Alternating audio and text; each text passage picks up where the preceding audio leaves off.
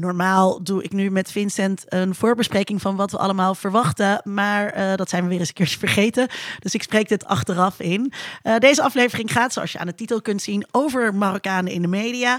Je gaat uh, iets leren over wat kerkmarokkanen zijn. Hoe dat ook alweer zat met de duivelsversen. je gaat wat horen over um, de professionele Marokkaan. Kortom, hoe kan je Marokkaan zijn in de media? En onze gast is Nadia Boedas.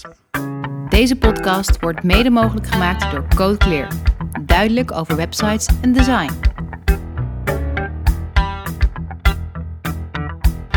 Vanuit Amsterdam is dit Onder Media Doctoren, de podcast waarin communicatiewetenschappers zich verwonderen over de media. De zoveel tijd is het weer zover. De hashtag Marokkanen is trending op Twitter. Dat is opmerkelijk, want Duitsers, Polen en Turken zijn nooit trending. Terwijl zij toch ook in de top 6 van herkomstinwoners met een migratieachtergrond vallen. Van knuffel Marokkaan tot mokromafia. De media zijn dol op Marokkaanse Nederlanders. Vaak is dat met een negatieve insteek, bijvoorbeeld over falende integratie. In deze aflevering verwonderen we ons over deze obsessie, want zo mag je het denk ik wel noemen. En we gaan dat doen met Dr. Nadia Boeras, universitair docent van de opleiding Geschiedenis en Urban Studies aan de Universiteit Leiden.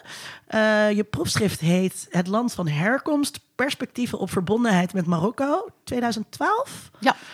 Um, en daarvoor heb je onder andere kranten en tijdschriftartikelen en documentaires gebruikt. Dus wij vonden het volledig terecht uh, dat je ja, hier... als uh, mediadokter dat je als historica bent, ja. toch ja. elke keer aanwezig bent. om te beginnen, wat is het met die hashtag? Um, ja, nee, als er, als er iets is met Marokkanen in het land, dan, um, dan doemt die hashtag op. En dan denk je, hè, wat is er gebeurd? Hebben we weer, hebben we weer wat gedaan? Uh, en dan heeft er ergens uh, iemand uh, een blikje tegen een ruit gegooid, bijvoorbeeld. Of vaak, vaak kan het ook positief zijn. Want in de meeste gevallen is het negatief, negatief nieuws. heeft iemand iets gedaan en dan wordt het alle Marokkanen aangerekend. En heel soms gaat het over iets positiefs, iets schattigs. Bijvoorbeeld, laatst heb ik me heel erg over verwonderd. Want er was een bericht op, uh, op Facebook en iedereen was daar lyrisch over. Was uh, een Marokkaanse jongeman die had um, gereageerd op een post op Facebook van een mevrouw. Uh, waarvan de zoon zijn telefoon in een Uber had laten liggen. Ergens in Almere. En die jongen reageerde van: Oh, dat is vlak bij mij. Ik kan hem wel even oppikken en naar je toesturen, zoiets. Nou, en toen en iedereen ging, oh, hou ons op de hoogte. En de jongen deed het ook heel erg leuk, want die zei, ja, ik ga eerst even naar de kapper. Dus die ging uitgebreid uh, zich laten coifferen. En toen ging hij dus op zoek naar die taxichauffeur, die niets vermoedend uh, thuis zat. Want de telefoon gleed gewoon achter uh, en raakte zoek ergens in de taxi. Dus hij belde bij die taxichauffeur aan. Er ligt hier een telefoon. Hij was net op tijd, want drie minuten later zou de telefoon op uh, uit zijn. Oh. Hij vond de telefoon en, en liet dat weten aan de mensenmassa op, uh, op Facebook. En die moeder was zo blij. En uh, uiteindelijk heeft hij de telefoon gebracht naar Amsterdam, waar ze geloof ik woonde of, of zoiets. En toen kreeg hij een bloemetje, er was een fotomoment. En ik dacht, ja, dat is natuurlijk allemaal omdat hij Marokkaan is. Of een kijk eens, er zijn ook goede ja, Marokkanen. Ja, ja, ja, Dus dan, toen, uh, dat was wel Facebook. Maar goed, zo, zoiets waait dan over op Twitter. En dan is het ineens, kijk eens, die Marokkanen. Hoe werd dat berichtje dan, dan...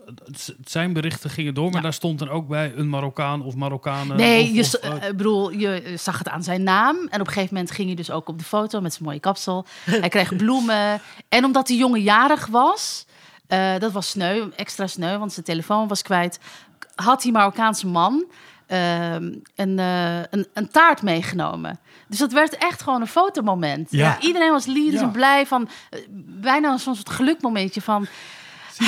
Er zijn ook goede Marokkanen in ja, Nederland. Een mooi feel-good verhaal van Marokkanen... waarmee het dan ook meteen een soort van... Uh, bijna uitzondering die de regel bevestigd wordt of zo. Ja, ja je ehm, het wordt exotisch gemaakt. Hè? Van kijk eens, van, eh, hij is de uitzondering. Ja. En eh, goed nieuws mag ook wel eens een keer hoor. Weet je wel? En dan iedereen is blij, happy. En nou, tot de volgende dag, totdat er weer een Marokkaan iets flikt. Ja. En dan gaat het weer in, in negatieve zin over Marokkanen. Dus eh, kijk, wij zijn, jullie zijn mediadoktoren, ik een heel klein beetje.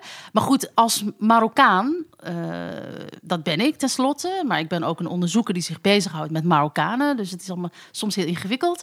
Maar goed, eh, een Marokkaan, Marokkaan zijn in Nederland betekent dat het enorm gepolitiseerd is. En betekent ook dat je identiteit ehm, enorm mediagevoelig is. Dus of je het nou wil of niet, je moet je ertoe verhouden. Ja, ja, ja. Eh, Vincent, wat, ehm, eh, zoals altijd aan mijn zijde, mijn vaste mede-mediadokter, dokter Vincent de Kronen. Vincent, wat, wat, eh, wat, eh, eh, wat- wat denk jij als jij zo'n hashtag trending ziet?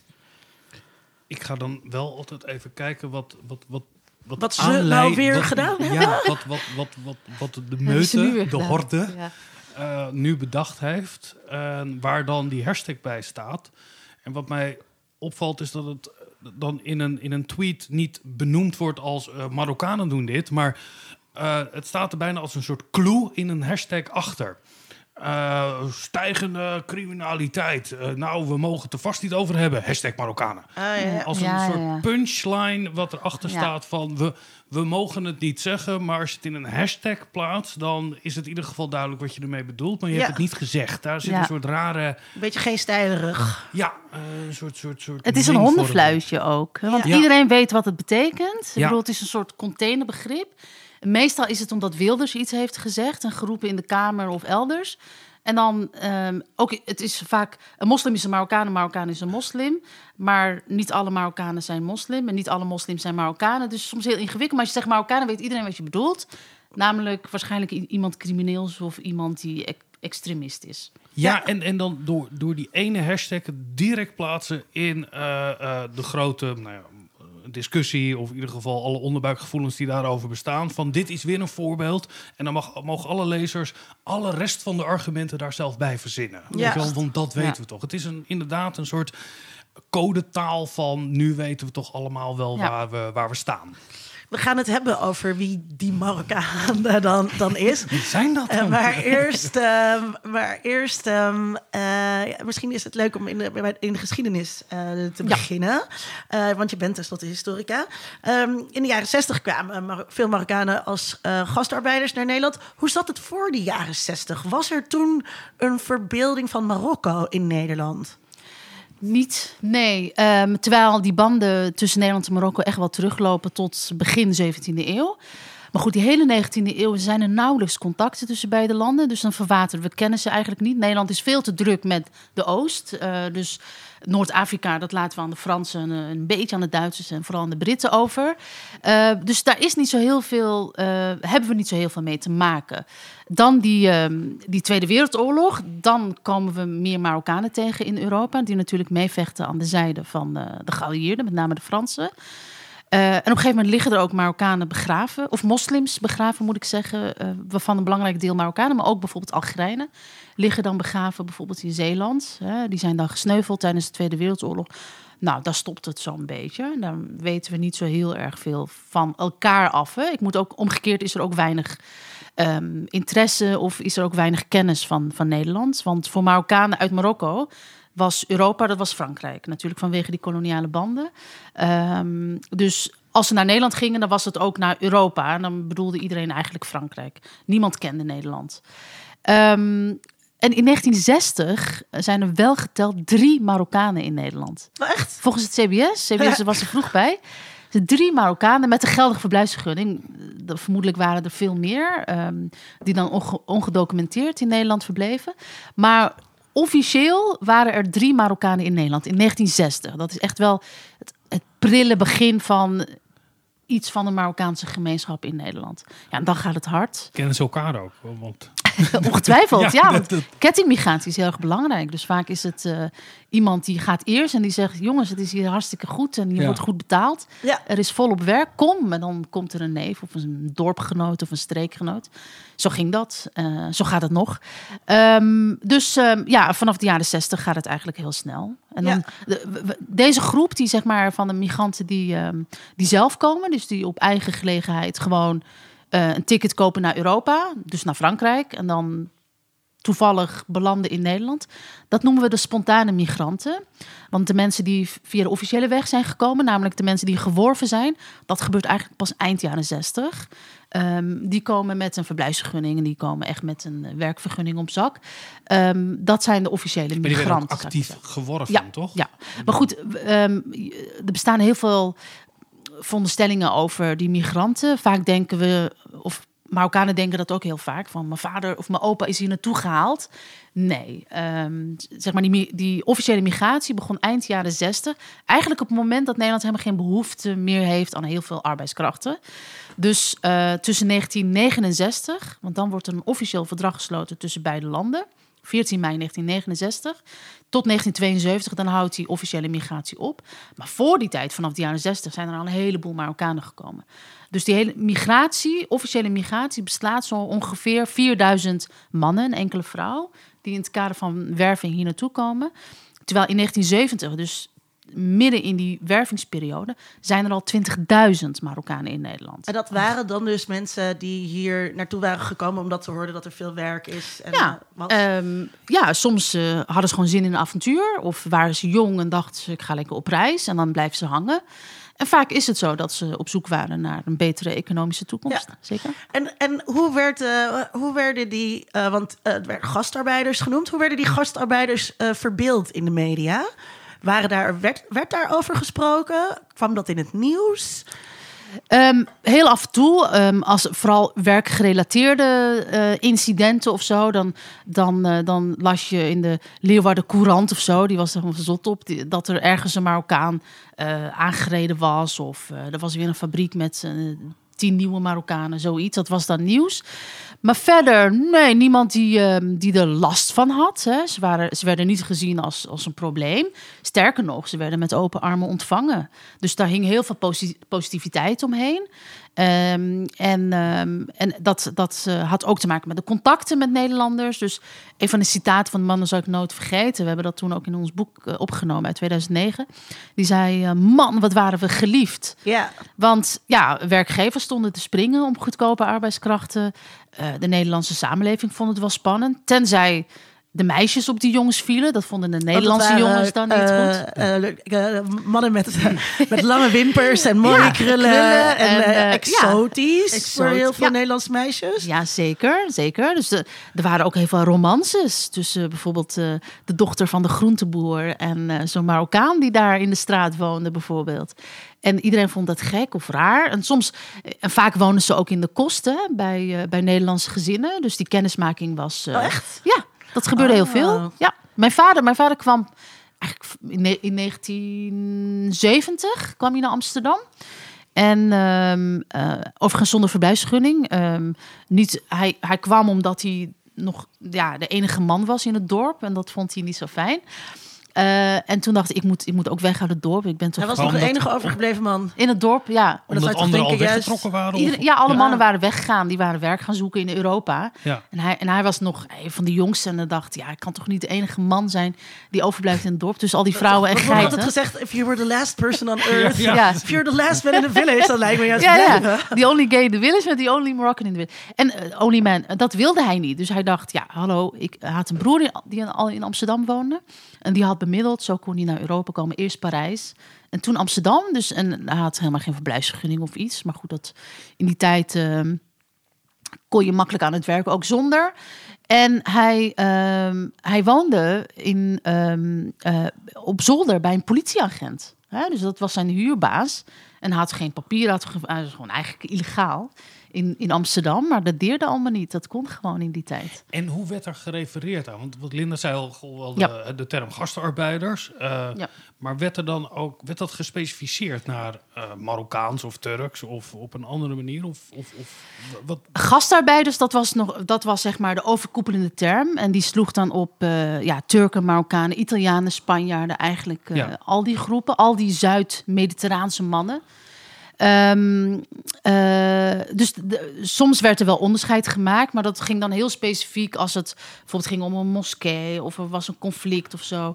Wanneer we echt beginnen te horen, echt heel breed in de media over Marokkanen, dat is toen met de kwestie van de kerk-Marokkanen. Hebben jullie wel eens van kerk-Marokkanen geho- Nee. Nou, dat zijn dus de Marokkanen die tussen wal en schip vielen. Zij konden niet aantonen dat ze... Ze, hadden geen eh, verblijfsvergunning. En ze konden ook niet aantonen dat ze hier gewerkt ha- hadden... en dat ze dus belasting hebben afgedragen. Eh, met als gevolg dat ze dus eh, uitgezet zouden worden. Want ja, je kan niet je bestaan aantonen, dus je moet weg. Eh, terwijl ze wel gewerkt hadden. Maar, maar, maar de, zo'n- En, en over welke periode hebben we dan hebben we het over begin jaren... ze- Ja, eigenlijk gedurende de hele jaren 70. Maar vooral de eerste helft van de jaren 70. Nou, wat ze gaan... Dat zijn... eh, ja, op een gegeven moment is dat best wel een grote groep. En ehm, het probleem was namelijk dat om aan een verb- Nederlandse verblijfsvergunning te komen, moest je een geldig paspoort hebben. Een geldig Marokkaans paspoort in hun geval dus. dus ehm, en, de, Ne- en de Marokkaanse autoriteiten in Nederland weigerden dat paspoort af te geven. Nou, had je maar eerder moeten regelen, doe, doen we niet. Dus zij gingen eerst in ehm, protesteren en eh, zij zochten moskee-asiel eerst. Hè, bij de Ja, want ze Al-Kabir konden moskee. niet terug naar Marokko om Ze je niet- paspoort, dan Nee. kom je het land nooit meer in. Nou, als je, terug, Eh, als je ja. teruggaat, dan kom je het land niet meer in. Nee, Ze wilden namelijk blijven en eh, vechten voor, voor zo'n verblijfsvergunning. En ehm, toen ging ze naar de, naar de moskee, de, de eerste Marokkaanse moskee in Amsterdam, de El Kabir moskee in de Van Ostadestraat in de Pijp. En daar zeiden ze, we willen protesteren en in hongerstaking, want we willen graag eh, een Marokkaans paspoort. De Marokkaanse autoriteiten onder druk zetten om ons dat paspoort te geven. Bij de moskee dachten ze, nou, dit willen we niet. Dus die zijn daarna een dag uitgegooid. En toen... Want die, die wilde dat niet vanwege banden met Marokko. Die wilde Ook, maar die hadden ze. Ja, want dat was toch wel politiek activisme. En in Marokko was inmiddels een repressief eh, regime gaande. En die was niet zo happig op eh, activisme. Of dat nou in Marokko gebeurde of in Europa. Dus daar waren die moskeeën wel wat, eh, wat huiverig voor. Maar aan de andere kant dachten ze... Nou, ze keken een beetje neer op die illegalen. Zo werden ze genoemd. Dus over Marokkaan gastarbeiders vaak heten ze ook gewoon illegale in de kranten. En die dachten, dat willen we niet. Er waren zelfs twee gebedsdiensten. Eentje voor mensen met geldige verblijfsvergunning. Eentje voor de, zeg maar, de mensen die hier illegaal verbleven. Oh, Maar hoe werd er dan, dus vanuit de Marokkaanse gemeenschap die hier wel eh, Ja. met papieren was, Ja, eh, eh, d- keek, distanceerde zich van de, de nou, ongedocumenteerden? Ja, dat waren ja, sukkels. Of eh, ja, had je maar eerder moeten regelen. Of eh, politiek activisme doe je maar buiten de moskee. Dus daar willen we ons handen niet aan vuil maken. Dus die werden daar eigenlijk uitgegooid. Waardoor ze vervolgens naar eh, de kerk gingen. Naar de Mozes en Aaronkerk. Daar hebben ze, ja, zijn ze gewoon in hongerstaking gegaan. Dat heeft maandenlang geduurd. En dat, dat is maandenlang ook breed uitgemeten in de, in de kranten, in de media. Het waren de jaren zeventig, dus eh, hè, antifascisten die stonden, steunden deze Marokkanen. De vakbond, Wim Kok was toen eh, leider van, van de vakbond FNV. Dus die, die, die, die was daar kind aan huis in die kerk. Dus al die de krakers, al die sociale bewegingen, die, ehm, die, die ondersteunen de Marokkanen. Want ja, als ze uitgezet zouden worden, zouden ze eh, in de gevangenis gegooid worden door ja, die dictatoriale koning. Dat moeten we ook niet hebben. Ja. Dus ze hebben maandenlang in die kerk gebivakkeerd. Ehm, dat waren 182 kerkmarokkanen. En dat heeft heel lang geduurd tot aan de Raad van State. En gedoe en elke dag op tv en kranten en zo. En uiteindelijk hebben ze dus eh, een verblijfsvergunning gekregen. Kerk Marokkaan. De kerk Marokkanen. Oh, waar heb ik nooit van gehoord. Maar hebben ze een verblijfsvergunning gekregen eh, vanuit Nederland of eh, hebben ze nog een paspoort gekregen? Nee, want die, die eis werd, werd, ehm, nou ja, die werd laten vallen. Die hebben ze laten vallen. Dus ze hebben gezegd, nou ja, jullie zitten zo in een ingewikkelde positie. En de Raad van State heeft gezegd, ja, wij kunnen eigenlijk niet beslissen. Dit is een politieke kwestie. De staatssecretaris moet, gaat hierover. En was het ook dat eh, de intentie waarmee deze mensen dat deden eh, ik kan me voorstellen dat als je een verblijfsvergunning wil hebben en je ligt overhoop met, eh, met Marokko, dat het idee van weer teruggaan misschien wel minder aantrekkelijk werd. Ja, want deze mensen, om, omdat ze juist vaak in de media waren, was dat alsof je de vuile was buiten hangt. En was dat, werd dat gezien als een vorm van politiek activisme. En dat was zeer verboden in Marokko, omdat er, nou, er was heel veel politiek gedoe in Marokko. En de koning werd alleen maar repressiever. Dus elk vorm van politieke tegenstand of uh, oppositie werd, uh, werd uh, keihard. Um, hoe zeg je dat? neergeslagen. Neergeslagen, Ja. inderdaad. En deze mensen zouden gezien worden als politieke activisten. Dus mochten ze uitgezet worden. Dus dat argument speelde ook mee bij de beslissing van, uh, van de staatssecretaris. Van deze mensen lopen dusdanig gevaar als we ze uitzetten. Uh, dit is een politiek besluit, zou mogen blijven. Toen, toen wel, dat gaat inmiddels. Uh, Maar, maar Nou, het heeft wel heel veel jaren geduurd. Ja. Ja, ja, ja. Was dat dan ook een keerpunt in het denken van dat je geen gastarbeider meer bent, maar dat je uh, hier je bestaan gaat opbouwen? Nou, dat denken dat, dat heeft best wel lang geduurd. Er is niet echt één moment aan te wijzen in de geschiedenis waarbij men dacht: oké, okay, nu blijven we. Dat is, dat is heel terloops gegaan. men, ook al waren de gezinnen hier, dacht men, wij gaan uiteindelijk terug. Ook mijn ouders dachten dat, terwijl al hun kinderen zijn hier geboren, maar zij dachten, nou ja, als de kinderen wat ouder zijn, als ze naar de middelbare school gaan, dan gaan we terug. Of misschien worden we er wel uitgegooid. Hè? Dat speelde ook, uh, dat, dat sentiment speelde ook binnen de Marokkaanse gemeenschap. En je zag dat eigenlijk aan het feit dat heel veel gezinnen hadden tweedehands meubels. Want als je weg moet, ja, dan zet je dat buiten grof vuil, niks aan de hand. Dus dat was een beetje uitgesteld leven, zo ongeveer. Ja. We gaan wel elke zomer op vakantie daarheen, maar nog meer sparen. Ieder jaar sparen, sparen. Uiteindelijk gaan we terug. En dat is eigenlijk nooit gebeurd. Um, en dat is niet, dat is gewoon zo gegroeid. Heel logisch was het niet om terug te keren naar Marokko, want er was nog altijd heel veel werkloosheid, heel veel armoede. En de kinderen waren inmiddels hier ingeburgerd. En teruggaan zou ook betekenen dat je afstand neemt van al je sociale rechten die je hebt opgebouwd. Dus niet echt heel handig, heel slim ook niet. Dus heel veel gezinnen bleven, tegen wil en dank. Maar dat sentiment was er wel altijd. We gaan ooit terug. Maar dat ja, is het we zijn nog hier steeds thuis. bij veel, ja. uh, uh, uh, bij veel mensen. we gaan terug met pensioen. Of wil toch ja. in Marokko begraven worden. Of van mijn laatste dagen genieten. Ja. Uh, het gekke is, dat zit heel, dat zit, daar zit een gendercomponent. Mannen willen terug als ze eenmaal gepensioneerd zijn. Want wat valt hier nog te doen? Mm. Uh, je bent oud, uh, niemand die, die, die om je geeft. En, uh, en daar ben je nog wel, weet je, de winnaar. Hè? Dan kom je als zeg maar de gevierde migrant. Hè? Je hebt dan vaak een mooi huisje, autootje voor de deur, genoeg centen op de bank. Dus daar ben je iemand. En hier ben je eigenlijk een beetje die loser, die... En vrouwen die denken, ja doei, ik heb mijn kinderen hier, ik heb mijn kleinkinderen hier, ik heb mijn koffietje bij de HEMA. En letterlijk zeggen vrouwen dat, ik kan hier gewoon lekker naar de markt, ik kan naar, naar de Action. Action hebben ze niet op het platteland ja. in Marokko. Dus ik wil helemaal niet terug, ga jij maar lekker terug. Dus vaak ontstaat er ook um, heel veel gedoe tussen, tussen man en vrouw, tussen echtparen. En, maar um, de realiteit is zo dat heel veel mensen pendelen. Hè? Dus dat ze daar overwinteren. Um, en, dan, um, en dan hier ook, ja. Of sommige mensen denken, ja, ik ga terug, ik ga terug, totdat ze in hun kist teruggaan. Ja. Maar zelfs door corona, dat zijn wel, wel weer bijzondere ontwikkelingen. Door corona kon dat dus niet. Ja. Want als je overlijdt aan corona, dan mag je niet gerepatrieerd worden. Oh, is dat zo? Dat zijn de regels die in Marokko gelden. Ja. Um, en er was bovendien, waren de grenzen heel lang gesloten. Een belangrijk deel van dit jaar.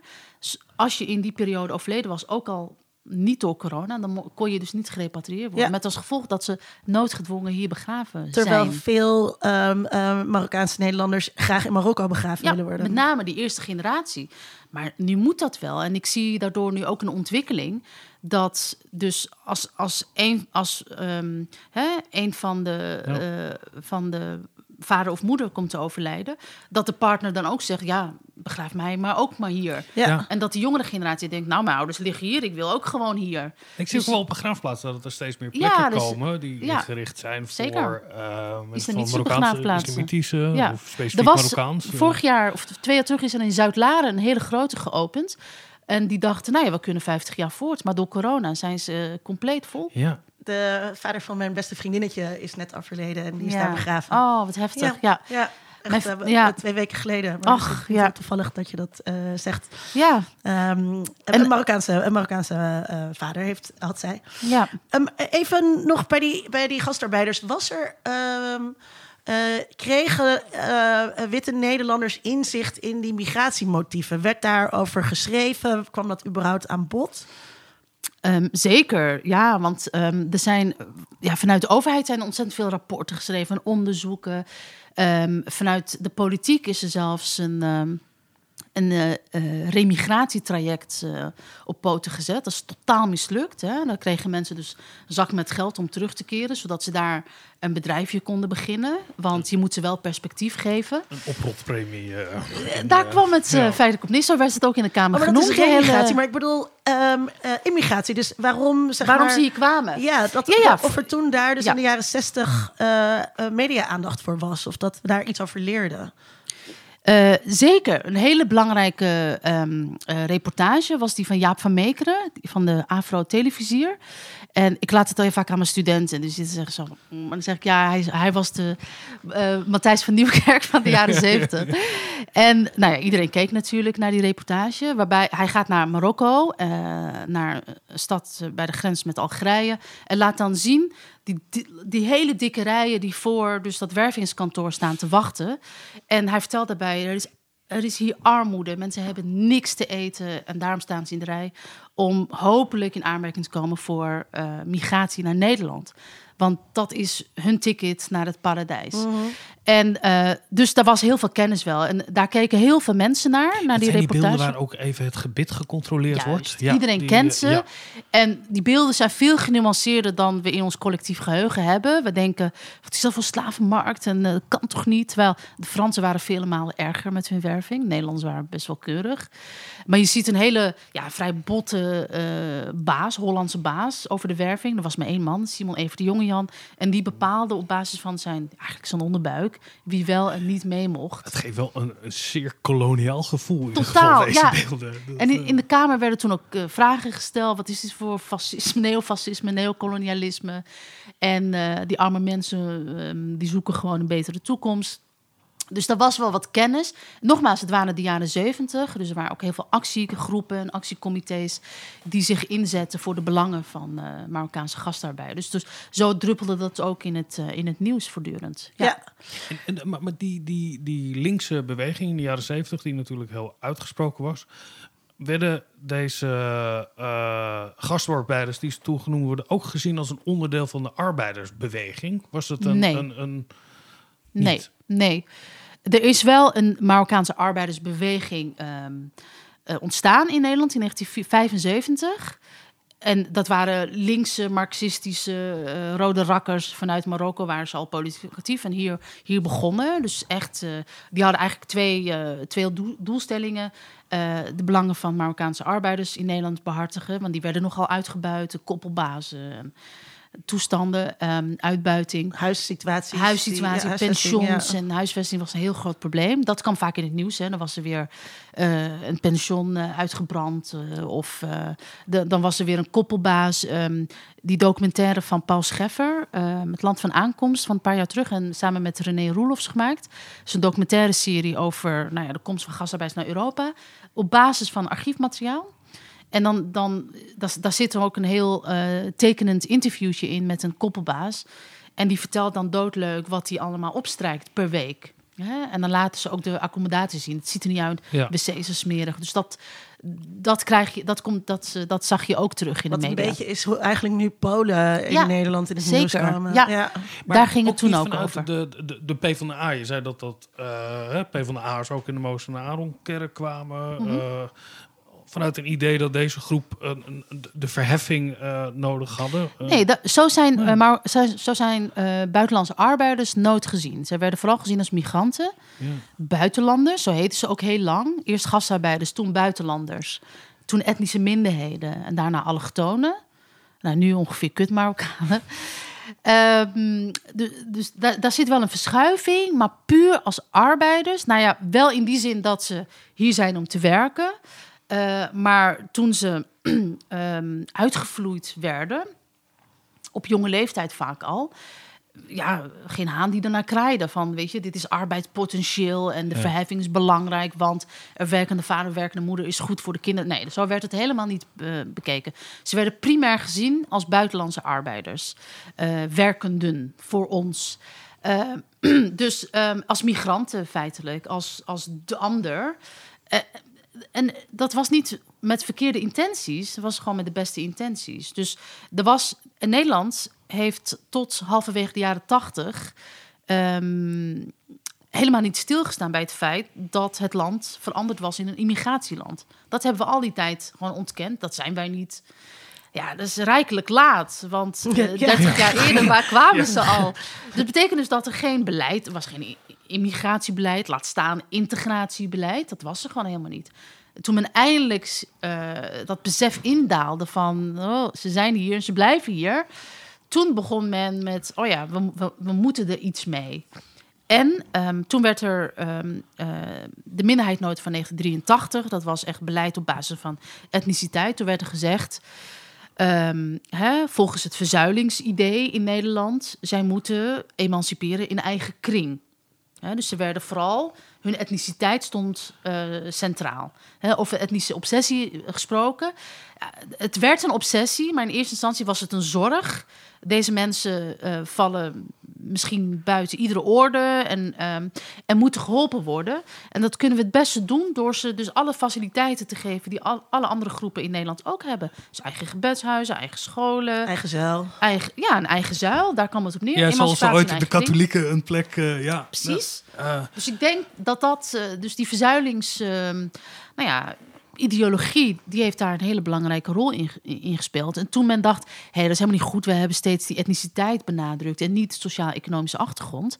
Ja, toen waren we al eind jaren 80, begin jaren 90. En toen werd er alsnog een uitzondering gemaakt voor Turken en Marokkanen. Want die zijn zo hulpbehoevend, die mogen nog wel subsidie krijgen voor eigen uh, culturele activiteiten. Maar nogmaals, allemaal met de beste intenties en de beste bedoelingen. Er was wel een discussie. Uh, in de politiek, maar niet per se in de samenleving. En um, uh, jaren tachtig zijn natuurlijk een periode van grote werkloosheid. Mm -hmm. uh, zeker ook onder, onder deze groep. Um, werd, werden die twee dingen toen op die manier zo met elkaar in verband gebracht in de media? Um, dat, dat Marokkanen uh, massaal werkloos werden in de jaren tachtig, dat is evident. Dat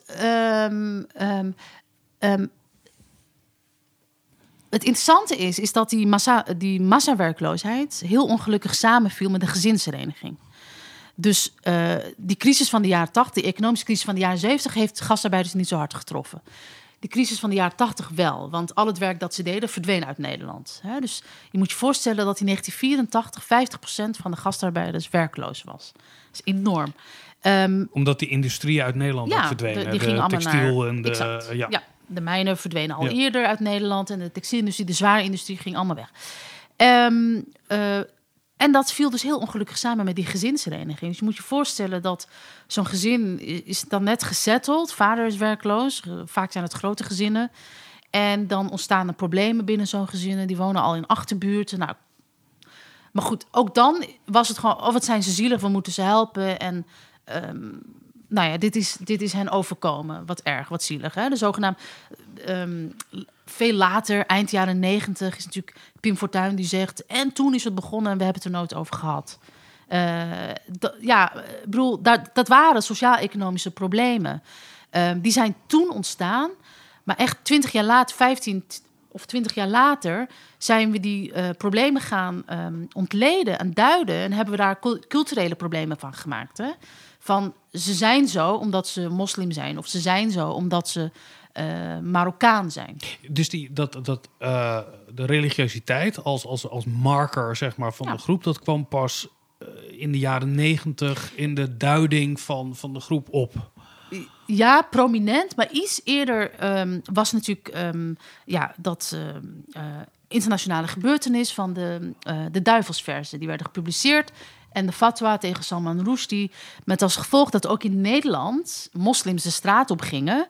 En um, ja, uh, dood aan Rushdie riepen, scandeerden. Echt massaal. Kinderen, mannen, soms ook vrouwen, maar echt vooral Turken. Hè? Terwijl we denken vaak dat Marokkanen lange tenen hebben of zich profileren als de belangrijkste moslimgroep. Maar in dit geval waren het vooral Turken die de straat op gingen. Ook wel wat Marokkanen hoor. En dat werd toen een heel groot ding. Waarbij ineens Nederland wakker werd. Ook links Nederland werd wakker. En dacht, holy shit, wie hebben we nou weer binnengehaald? Er zijn moslims Er in zijn ons moslims. land. Ja, ik ben zo oud dat ik me dat heel goed kan herinneren. Die, die, dat inderdaad dat er een... Dat is 89, wat is Ja, het? maar dat er 89? een, het was natuurlijk een Iraanse eh, Ja. Mhm. fatwa. En dat er dan uit andere landen mensen waren Ja. die daar ook een rol in hadden. Terwijl ze niet uit Iran kwamen. dus die Ja. nationale grenzen die telden Ja. niet meer.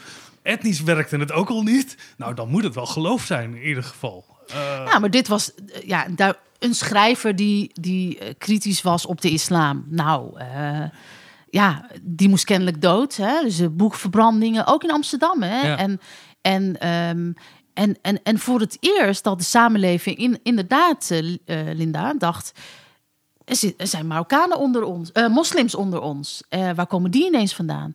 En het interessante was dat vooral links Nederland wakker werd. Dus het Vrij Nederland, die schreef dan bijvoorbeeld over... wat zijn dit voor eh, achterlijke eh, types...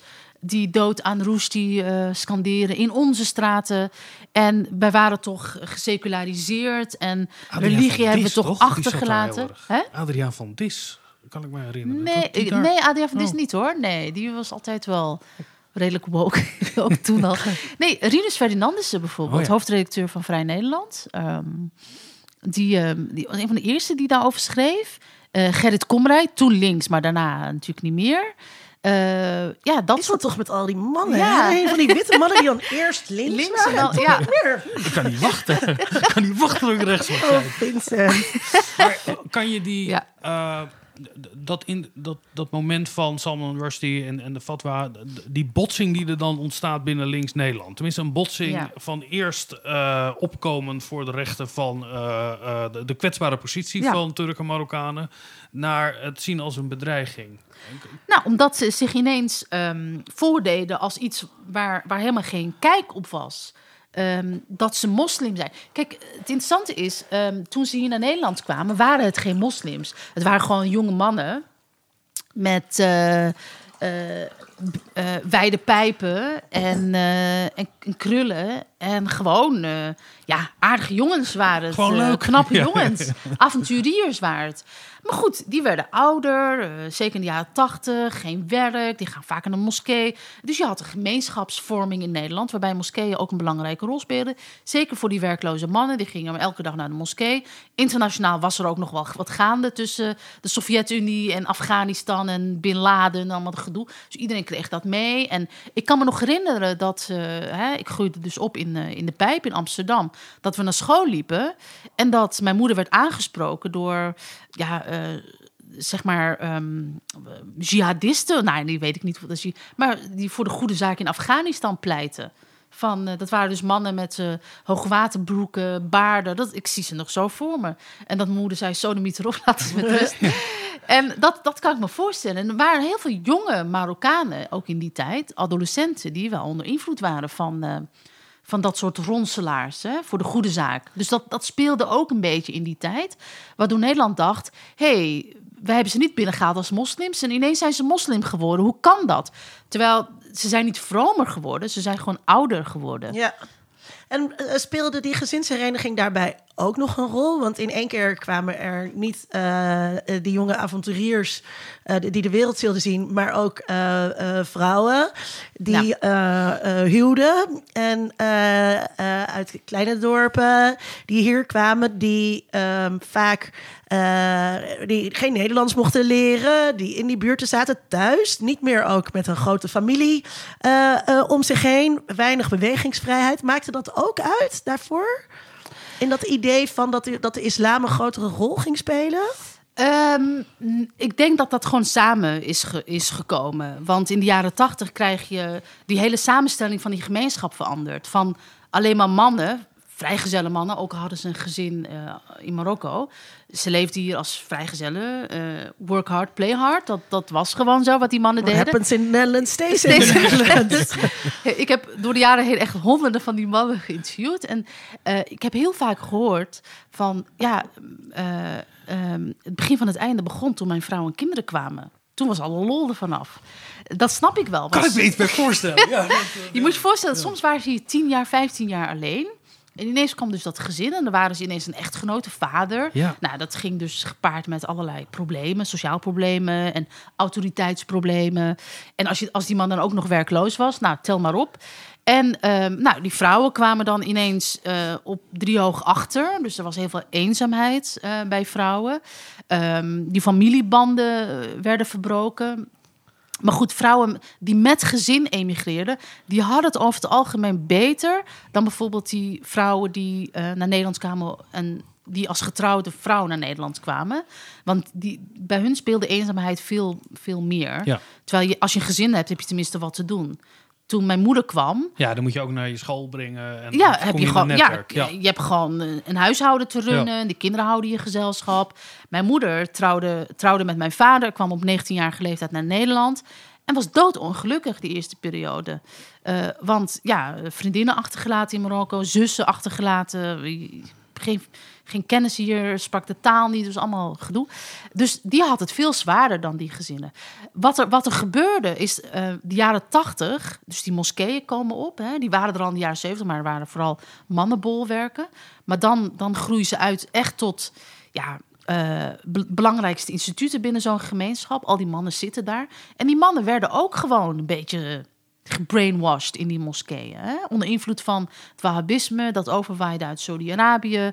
En al die imams die eh, de meest belachelijke dingen preekten. Ik heb dat in mijn laatste boek ook eh, eh, opgeschreven. Mijn vader, die was daar ook vatbaar voor. Dus terwijl mijn vader is gewoon een hele was. hij is anderhalf jaar geleden overleden. Ehm, eh, maar die, die ging dan naar de moskee. Mijn vader werkte gewoon. Hij werkte tot ver na zijn pensioen zelfs. En, en die kwam dan thuis met... eh, ja, die imam heeft gezegd dat, eh, dat jullie allemaal hoofddoekjes moeten dragen. En die had van die bontgekleurde hoofddoekjes meegenomen. Ik heb, we zijn met drie meiden thuis. En die zei, oké, vanaf vandaag... eh, gaan de hoofddoekjes op. Ja, Nou, mijn moeder heeft daar meteen korte metten meegemaakt. Van, dat want gaan we moeder dus droeg zelf doen. geen hoofddoek. Nee, nee. dus die hoofddoekjes die belanden in de verkleedkist op zolder. en dus dat is omdat hij dat hoorde in de moskee. En zeg ik, ja, nou ja, dat, dat moet. En, eh, ga, dat, dan zei zo'n imam, ga naar huis en vertel je dochters hoe ze zich moeten kleden. Dus ze moeten een hoofddoek dragen. Ja, want het is, het is op zich wonderlijk dat eh, die overgang die je beschrijft over hoe je in een internationaal politiek religieus eh, conflict, wat, eh, zoals het met Rusty Ja. gebeurde, hoe je daarover geïnformeerd wordt. Ja. Maar ik, ik begrijp uit jouw verhaal dat het ook een, een actieve werving of een actieve informatiestroom Ja. was vanuit Saoedi. Ja. en, en om dat via die netwerken te doen. Er was nog helemaal geen satelliet-tv of zo. Nee. NBC kwam op een gegeven moment op. Nou, dat was groot feest eh, binnen die gemeenschappen. Maar voor die tijd was de enige informatievoorziening... als je iets in Marokko op, eh, op, ehm, oppikte... of via de moskee, dat, dat wa- waren de informatiebronnen. En heel veel van die huistuin- en keuken Marokkanen... moslims, eenvoudige moslims... ja, die namen dat als waar. Die, die waren beïnvloedbaar. Ehm, ik wil nog even bij die vrouwen Ja. eh, blijven. Eh, eh, ik heb een boek geschreven over feminisme toen en nu. En Oh binnen, die, binnen de vrouwenbeweging, die natuurlijk overwegend wit was, was er nauwelijks aandacht voor, voor eh, migrante vrouwen. Ehm, we- werd daar, weet jij, weet jij daar iets van? Werd er, was er Zeker. überhaupt aandacht voor? Nou, maar ook dus, Ja. ehm, eh, was, het, wa- was het echt... Ik heb nu, als ik daar aan terugdenk, oké, dat waren dus inderdaad vrouwen die in, eh, in eh, wijken waar ik niet woonde eh, en die geen kinderen bij mij op school hadden, eh, woonden en die geïsoleerd waren. Was, er, was, was dit iets wat in de media besproken werd? Of was daar aandacht voor? Of ehm, eh, waren er wel, ja, gebeurde daar iets? Ehm, het, het gekke is, als je, als je kijkt naar de berichtgeving in de media, dan gaat het altijd over onzichtbare vrouwen, schimmen op straat, hè, gefotografeerd van de achterkant. Ja. dat gebeurt nog steeds. En met een hoofddoek over de markt, shockend. Altijd Nou, op de markt. Altijd op de markt, Ja. om met heel veel altijd van achter. Ja. Altijd van achter, inderdaad. Ja. Ja. Kijk, kijk ze gaan, kijk ze gaan. En, ehm, En dan wordt het blurry en dan komt er een statistiekje in beeld. Dat is, Ja, precies. Ja, je kunt het uittekenen. Ehm, nee, dat waren on- onzichtbare werelden eigenlijk. Ehm, mijn laatste boek eh, kwam vorig jaar uit. Dat ging over de Arabische School van Amsterdam. Dat is een school voor alleen maar kinderen van Marokkaanse migranten. Ehm, daar heb ik zelf ook op gezeten. En die school is, eh, is begonnen op de Amsterdamse Wallen en opgericht door een dominees-echtpaar. Een heel, heel bijzonder verhaal. En uiteindelijk is die school verhuisd naar de rivierbuurt en werd een van de grootste scholen van Amsterdam. Goed, daar zaten dus alleen maar Marokkaanse kinderen op. En, ehm, en het was meer dan een school. Want het was ook een Marokkaanse gemeenschap in het klein. Want al die moeders en die vaders en de problemen. En nou goed. ehm, en vaak waren er heel veel problemen thuis. Dus achter de voordeur, waar de leerkrachten zich mee bemoeiden, was standaard een, ehm, maatschappelijk werker verbonden aan school. En die kwam dus bij die, bij die gezinnen thuis. En er speelden hele, hele ja, schrijnende ehm, problemen en verhalen waren dat. En ehm, dus er was weinig bekend over die vrouwen. Ze, werkten nou, ze werkten überhaupt niet. Hè? Je zag ze, ze haalden hun kinderen op en dan waren ze weer thuis. Ehm, dus niemand bemoeide zich met die vrouwen. Dus die kwamen vaak niet in het nieuws. Het waren altijd onzichtbaar. Hè? Eh, het, ze werden wel genoemd, maar dan ging het over het feit dat ze hun kinderen niet goed weten op te voeden, bijvoorbeeld. Hè? Want die kinderen hangen maar op straat en eh, doen maar. En die mannen zitten in de moskee en die vrouwen zitten thuis en kunnen ze eigenlijk wel opvoeden. Dus ze kregen altijd de schuld van de problemen, zonder dat iemand wist wat speelde zich daar achter die voordeur nou af. En, ehm, en je had, wat ik eerder zei, je had eh, de Marokkaanse Arbeidersvereniging, Comité Marokkaanse Arbeidersvereniging, KMAN. En ehm, die waren vooral bezig met verheffen van de arbeider, de Marokkaanse arbeider. En er waren ook wat vrouwen bij actief. Er was een vrouwencomité, zoals dat, zoals dat gaat bij een arbeidersvereniging. En die vrouwen die wilden ook aandacht voor hun eh, zaken. En die mannen zeiden, nee, we gaan eerst de arbeider bevrijden... en dan gaan we ons bezighouden met vrouwen. Ja. Waarop die vrouwen zeiden, ja, doe je, daar gaan we niet op wachten. En toen hebben ze zich afgesplitst en zijn ze de Marokkaanse Vrouwenvereniging opgericht, halverwege jaren tachtig. Waarvan Khadija Arib eh, de, de eerste voorzitter was. Ja. Hij was al actief binnen het KMAN. Hè, maar, dan, maar dit zijn stedelijke vrouwen. Hè, die zijn vrouw, ho- hoogopgeleide vrouwen, vrouwen die althans gestudeerd hebben. En eh, die zich inzetten dus voor die onzichtbare vrouwen. Ja. Dus daar was wel degelijk aandacht voor.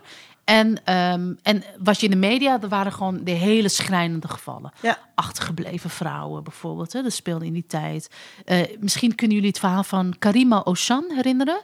Dat was eh, een jong meisje dat, ehm, dat in Marokko werd achtergelaten door haar vader. En ze zag het aankomen, de hele school zag het aankomen. Ze had er vaak over verteld. Haar moeder was al eerder overleden. En onderweg naar Marokko op de veerboot heeft ze zich van de boot geworpen, van die veerboot. Nou, ze is uiteindelijk gered en, eh, en eh, nou ja, gedoe en die hele school heeft zich voor haar ingezet. Uiteindelijk ehm, moest ze heel lang in Marokko blijven, maar kon ze uiteindelijk toch terugkomen. En dat is heel breed uitgemeten in de media. En binnenkort komt daar ook een documentaire over, want zij heeft daar ook een boek over geschreven. En dat gaat dus over, die, over dat soort problemen. Daar las je heel veel over in de media. Ja. Vrouwen, die, vrouwen die geslagen werden. Want ehm, het waren vaak die Nederlandse linkse actiecomité's... zich- die zich bezighielden met die problemen. En die wisten dat dan weer eh, in de media te brengen. Ik weet uit mijn jeugd dat er altijd gezegd werd. Ehm, eh, Marokkaanse vrouwen moeten een meter achter hun man lopen en Ja. zo. En dat dat een soort standaard grap Ja. een beetje was die altijd Ja. rondging. Ik vraag ernaar ook omdat ehm, in die verbeelding van, van, van de tweede feministische golf... eh, we altijd zeg maar die beelden van die mooie meisjes, van mooie witte meisjes zien van, van Dolomina en baas in eigen buik. En dat er dus ook heel erg de nadruk op wordt gelegd. ehm, eh, eh, of tenminste niet de nadruk dat er heel erg wordt gedaan alsof het dus alleen maar alsof het ook alleen maar witte vrouwen waren en dat er zo weinig aandacht is voor eh, zwarte en migrantenvrouwen. Wat was? Er werd dat gezegd zwarte, zwarte migranten en vluchtelingenvrouwen. Precies, een. Ehm, ja. Die ook hun eigen bewegingen hadden. Maar dat past ook niet in het verhaal dat we nu willen vertellen over feminisme. Waar je natuurlijk de Turken en de moslim, of de, de Turken en Marokkanen uit moet houden. Want anders kan je niet zeggen dat moslims achterlijk zijn. Ja. En nog alle dingen moeten doen die wij al Precies, hebben eh, gedaan. Ja. Dus dat het Ja. ook. ehm, ja. eh, eh, ja, ik, ik vind dat heel. Ook jammer dat er dus nu is er wel, hè, want nu is feminisme heel intersectioneel en is er heel veel aandacht voor. Maar dat ook dus in, vanuit dat niet. ehm, we niet een beweging zien om die geschiedenis die er dus wel ligt beter te documenteren. Dat, Zeker, Dat zou ja. ik graag zien. Ja. Dat zo'n jonge feminist dan daar een documentaire over maakt. Ja, Ja. ja. want ehm, en weet je, die vrouwen leven nog. En het waren de, de Turkse vrouwen hadden ook een vrouwenbeweging die ook voortvloeide uit de, de, zeg maar, de arbeidersbeweging. En die trokken heel, heel erg eh, op samen eh, om, om juist aandacht te vragen voor hun hele specifieke problemen. Ja. Kijk, want zo'n vrouw die achter de voordeur werd, gesla werd geslagen of die niet weinig bewegingsvrijheid had of eh, Was het niet ook zo dat de verblijfsvergunning gekoppeld was aan die van de ja, man? Precies, ja. Ja. Dus als, ze- als ze dan uit elkaar gingen, dan, dan moest zij weg. Daar, daar heeft de Marokkaanse Vrouwenvereniging heel lang voor gestreden. Ook omdat, ze, omdat die Marokkaanse familiewetgeving van, van toepassing was op vrouwen hier, omdat ze dus de nationaliteit ook hebben. Dus er was dus ehm, ja, ehm, transnationale problemen kwamen samen. Maar goed, het, het correspondeert niet met het beeld dat we hebben van Dolomina's die hun BH's verbranden.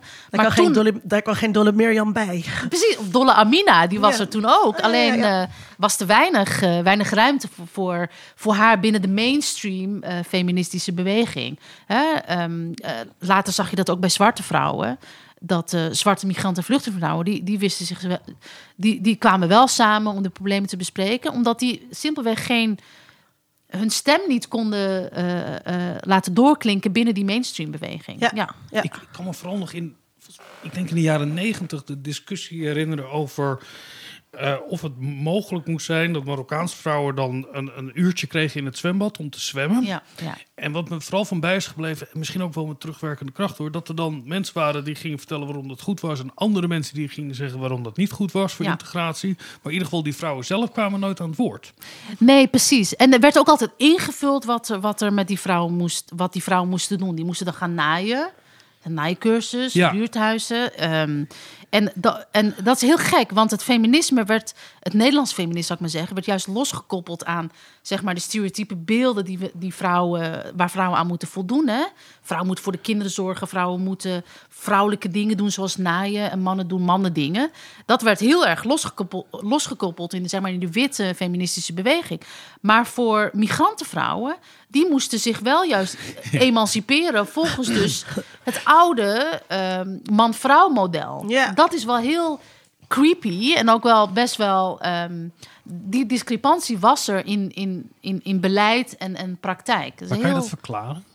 nou, omdat we Marokka migrantenvrouwen vooral zien als ja, nog vrouwen die nog heel veel stappen moeten maken totdat ze hetzelfde niveau bereiken. Ze zijn nog altijd de ander die met allerlei culturele eh, tradities zitten en bepaalde waarden waar we niet al te veel over, over moeten zeggen. Dat is iets van hun. Maar dat betekent wel dat ze nog achterlopen in heel veel opzichten. Dus we moeten ze ook. Ja, het is heel betuttelend. En, Maar was dat eh, ook vanuit de Marokkaanse vrouwenvereniging? Eh, ik neem aan dat Khadija Ariep niet zei, eh, jullie moeten allemaal gaan naaien. Nee, nee, nee, zeker niet. Nee, nee, nee. Die, dat, dat was politiek activisme, eh, absoluut. Nee, maar je had wel... ehm, ja, kijk, als je van heel ver komt... dan is je huis uitgaan en naar, de buur, naar het buurthuis gaan... om een uurtje te naaien en koffie te drinken... is dat een enorme stap. Laten we, laten we eerlijk zijn. Voor heel veel vrouwen was dat zo. Hè? Maar, ehm, ehm, maar dat, vanuit beleid werd het ook zo geformuleerd. Van deze vrouwen moeten op deze manier... eh, eh, eh, geholpen worden. Ehm, zeg maar in de vaart der volkeren meegenomen worden. Zo heel betuttelend is het. Maar voor heel veel vrouwen was dat een, een, ja, een belangrijk welkom. Kijk, want de verhoudingen binnen die Marokkaanse gemeenschap zijn wel veranderd. Want in de periode dat mannen hun baan verloren, kwamen er juist veel meer mogelijkheden voor vrouwen om buitenshuis te werken. Bijvoorbeeld als schoonmaakster, zwart werk bijvoorbeeld. Of als kinderverzorgster, weet ik veel wat. Ga maar nu uit naar. noodzaak geboren. Ja. En, ja, omdat er eh, de gezinsinkomen moest aangevuld Ja, worden. En het betekende voor die vrouwen een eigen zakcentje, financiële onafhankelijkheid. Hè? Dus het was ook heel erg belangrijk voor hun eigen positie. Anders moest je iedere keer eh, wachten totdat die man een tientje op tafel legde. Ja. En, en dat deed hij niet, want er was al weinig geld. Of, eh, of hij was niet eens thuis. Dus voor vrouwen was dat heel erg belangrijk. Ga maar nu naar een willekeurige basisschool in Amsterdam. Noord, Zuid, West, whatever. En er zijn Marokkaanse overblijfmoeders. Want ze komen het huis uit en het zijn de liefste moeders eh, Ja. die er rondlopen op zijn school. En eh, de kinderen zijn dol op ze en ze verdienen er een zakcentje mee. Dus het is, uh, dus heel belangrijk dat. Het is niet veel, maar het is wel heel belangrijk dat ze gewoon hun eigen inkomen hebben. Dat is uh, echt essentieel. Ja. Um, we hadden net al even over als keerpunt die duivelsvers. ik, heb het, ik heb toch het idee dat het in de jaren negentig redelijk stil was. Maar misschien is dat ook gewoon een achteraf constructie. Ja. Omdat ons later verteld is Um, dat, er, dat het toen verzwegen is. Terwijl ja. ik kan me herinneren, ik ben in 95 gaan studeren.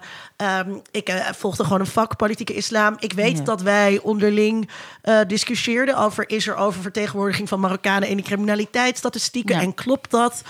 Uh, dus aan de ene kant weet ik dat dat, dat niet helemaal overeenkomt met Ja. mijn eigen beleving van de jaren negentig. Terwijl tegelijkertijd Ja. dit nu wel het dominante frame is geworden. Ja, precies.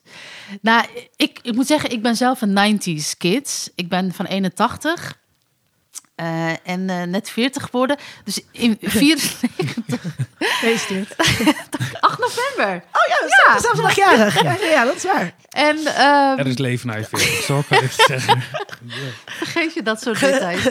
Maar goed, dus in 94 ging ik, eh, ging ik naar de brugklas. Hè? Dus de- ik beschrijf het ook in mijn, in, mijn, eh, in mijn laatste boek over die school. Het gaat feitelijk ook over, het is een beetje een persoonlijke familiegeschiedenis ook geworden. Eh, omdat ik dan ook heel erg dat debat volg. Hè? Wat is er veranderd? En in mijn tijd, ik weet nog dat ik zat dus op school met alleen maar Marokkaanse kinderen. Alleen maar. Hè? En ehm, ik weet nog dat ik 12 was en dat de meester van groep 8 zei: Waarom zijn jullie hier? En we dachten, Omdat het moest vanochtend. Mijn ouders hebben hier afgezet. We moeten toch naar school. Het is een doordeweekse dag. Waar heb je het over, meester? En hij zegt, nee, waarom zijn jullie in Nederland? We wisten het niet. En hij, eh, hij dacht, nou, kom op jongens. We wisten het niet. Hij, hij moest mij vertellen, hij moest ons vertellen, de hele klas. Jullie zijn hier omdat jullie vaders gastarbeiders waren. Wow, gastarbeiders. Zeg je nou weer, wat is dat? Wisten we niet. Je leeft gewoon, weet je. Ja. Je bent helemaal niet bezig met die noties van we zijn hier omdat er iets... Nee, je bent hier omdat je er bent. Eh, Je bent Want hoe oud was je toen? op. Twaalf. 12. Dus best rijkelijk best- laat. Ja. Maar dat is ook met... ehm, mijn proefschrift gaat eh, over meisjescultuur. En ik heb heel lang in groep 8 onderzoek gedaan. Onder Oh, ja. andere op een school met heel veel kinderen met een eh, moslimachtergrond. Niet een migratieachtergrond. Ja, want precies, dit, Ja. dat, ehm, dat speelde gewoon niet. En daar dachten ze nooit Nee. over na. En ehm, is mijn vader of mijn familie. Ja. Dat migratieverhaal was helemaal, Nee. is helemaal niet een beleving in hun identiteit. Nee. Daarom vind ik migratieachtergrond ook zo raar Ja, ja. woord. Het is niet per se iets wat je, wat je fysiek met je meedraagt... of dat je heel bewust met je meesjouwt. Je, je bent het gewoon. Kijk, we gingen elk jaar op vakantie naar Marokko. We spraken thuis Arabisch. We aten, we aten Hollands pot, maar ook Marokkaanse tagine. We waren gewoon, weet je, Ja. zo. Ehm, er waren wel dingen, we waren wel anders. We, we, we wisten natuurlijk wel dat we anders waren. Maar hoe anders en waarom? Kijk, kinderen zijn, ik ben migratiehistoricus, kinderen zijn over het algemeen niet geïnteresseerd in het verleden van hun ouders. Pas veel later, of als je zelf kinderen krijgt, denk je, oh joh, zat dat? Precies. En ehm, dus ik was twaalf, kijk, en ik zat op zo'n school met alleen Marokkaanse kinderen. Doodnormaal, want ja, ik wist niet beter. Kijk, de buitenstaander, de buitenwereld, zag ons als Marokkaanse kinderen. Maar wij waren gewoon Amsterdamse kinderen. Wij keken gewoon Beverly Hills 90210 en dat soort dingen. Maar was dat voor jou anders omdat je op een eh, school zat met alleen Marokkaanse medeleerlingen? Was dat anders voor eh, kinderen met een Marokkaanse afkomst die in een gemengde school Ja, zaten? dat denk ik wel. Ja, ja, ja, want dan word je voortdurend geconfronteerd met... oh, je bent anders, jij bent anders. Wij waren Ja. allemaal hetzelfde. We waren ietsjes anders. Er waren wat nuanceverschillen. Oh, die spreekt Berbers, die spreekt Arabisch. Maar de gemeenschappelijke taal was gewoon Nederlands. Want zo konden we elkaar verstaan. En, eh, maar verder waren we allemaal hetzelfde. We hadden dezelfde achtergrond. Onze ouders kenden elkaar. Eh, Ja. Er waren echt geen kinderen waarbij de ouders dokter waren of zo. Maar bij We waren mij, allemaal... bij, bij, eh, moet ik even bedenken hoe ik die school ook weer noem. eh, de Noordmanschool, geloof ik. Zo heet die dus niet echt. Eh, eh, eh, dat was ook redelijk monocultureel, dus in, Ja. in zekere zin. Omdat eh, die Turkse en Marokkaanse leerlingen eh, dat allemaal in elkaar herkenden. Ja. En, en dus omdat moslim, een moslimachtergrond dominant was, werden ze ook door de witte meester op die manier aangesproken. Jullie zijn moslims, jullie zijn anders. Maar onderling was dat er, was dat er dus niet. Maar het- het- betekent dat eh, dan dat je groeit dan op, je groeit op in een school ook, je vormt ook wel dan je eigen, eigen groep. Dus dat Ja. het beleidsdoel van een eigen zeil maken of een eigen plek waar je dan in zit, Ja. heeft voor jou dan wel gewerkt? Ehm, wacht even, ik ging naar de brugklas en toen kwam die cultuurschok. Want ik- Het houdt op dan op een het gegeven houdt op, moment. ja ja, ja, Want ik ging dus naar een hele gemengde middelbare school. Op Nee, ik zat even te denken Ja, ja. aan dat idee van die verzuiling. eh, dat ik me best kan verplaatsen in de gedachte van... Goh, we hebben die groepen in Nederland. We verdelen gewoon alles. eh, ik qua media-uitingen, maar ook de Ja. slager en, en, en Ja. de groenteboer. Dat dat niet een rare gedachte toen was. Dat je zegt van nou, als je gewoon je eigen school ook hebt... waar Ja. jij op zat... Ja. eh, dat dat heel erg eh, emanciperend kan werken. Of in ieder geval eh, een, een, een gevoel van thuis kan geven. Ik moet zeggen dat die school is dus opgericht in 71. Toen ik erop zat was het inmiddels 86. 85. En, ehm, en, en eh, de politiek, de overheid was pertinent tegen die school. Gewoon nee, die school mocht niet. Mijn school waar ik op zat, de Arabische school van Amsterdam, mocht niet bestaan. Ehm, hij is opgericht, of zij, de school is opgericht omdat die dominee vond... deze kinderen hebben recht op hun eigen taal en hun eigen cultuur...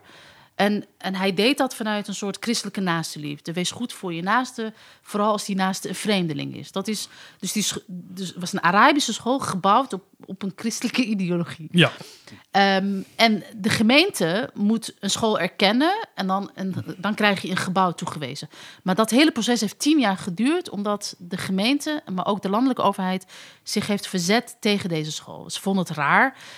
Islamitisch wilden ze nog wel begrijpen, maar een Arabische school, dat, wat is dat? Wat doen jullie? Kunnen de kinderen niet gewoon naar, naar gemengde school? Is beter voor hun integratie. Ja. Dus dat, dat debat speelde wel.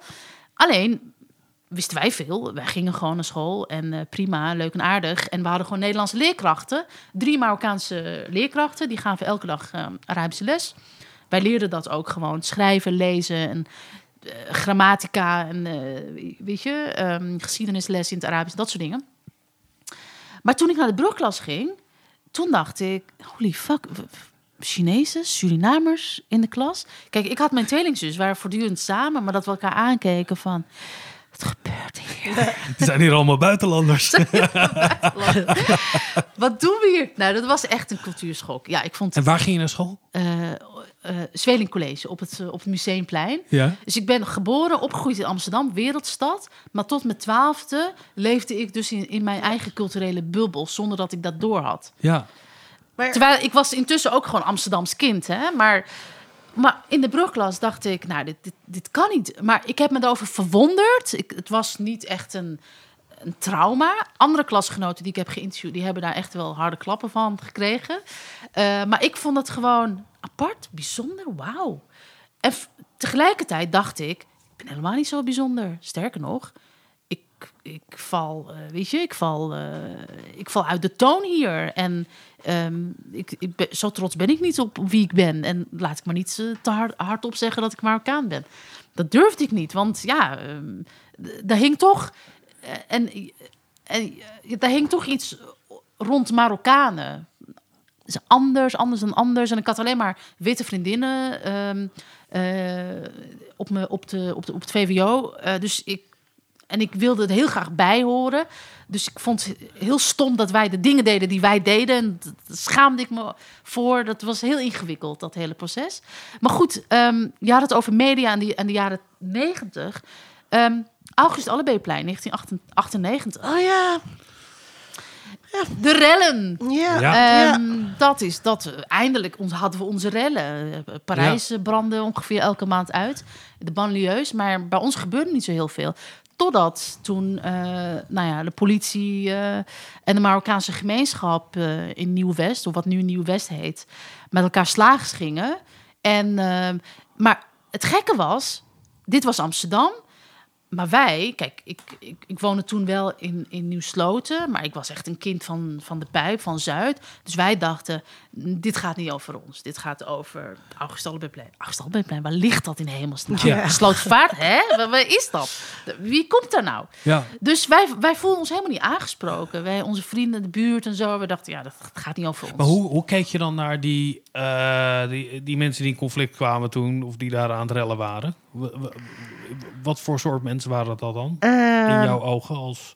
Nee, nee, ehm, nee, ik had er geen oordeel over. Ik dacht, dit gaat niet over mij. Ik had niet het besef, dit is een conflict tussen Marokkanen en de rest. Dat, zo zag ik het niet. Ehm, ik, kan me, ik, ik, zie, ik heb nog beelden in mijn hoofd bij Khadija Ariep weer, want zij was toen Kamerlid, geloof ik, dat ze daarvoor oploopt en in gesprek gaat met de, met de Marokkaanse gemeenschap van jongens, even rustig.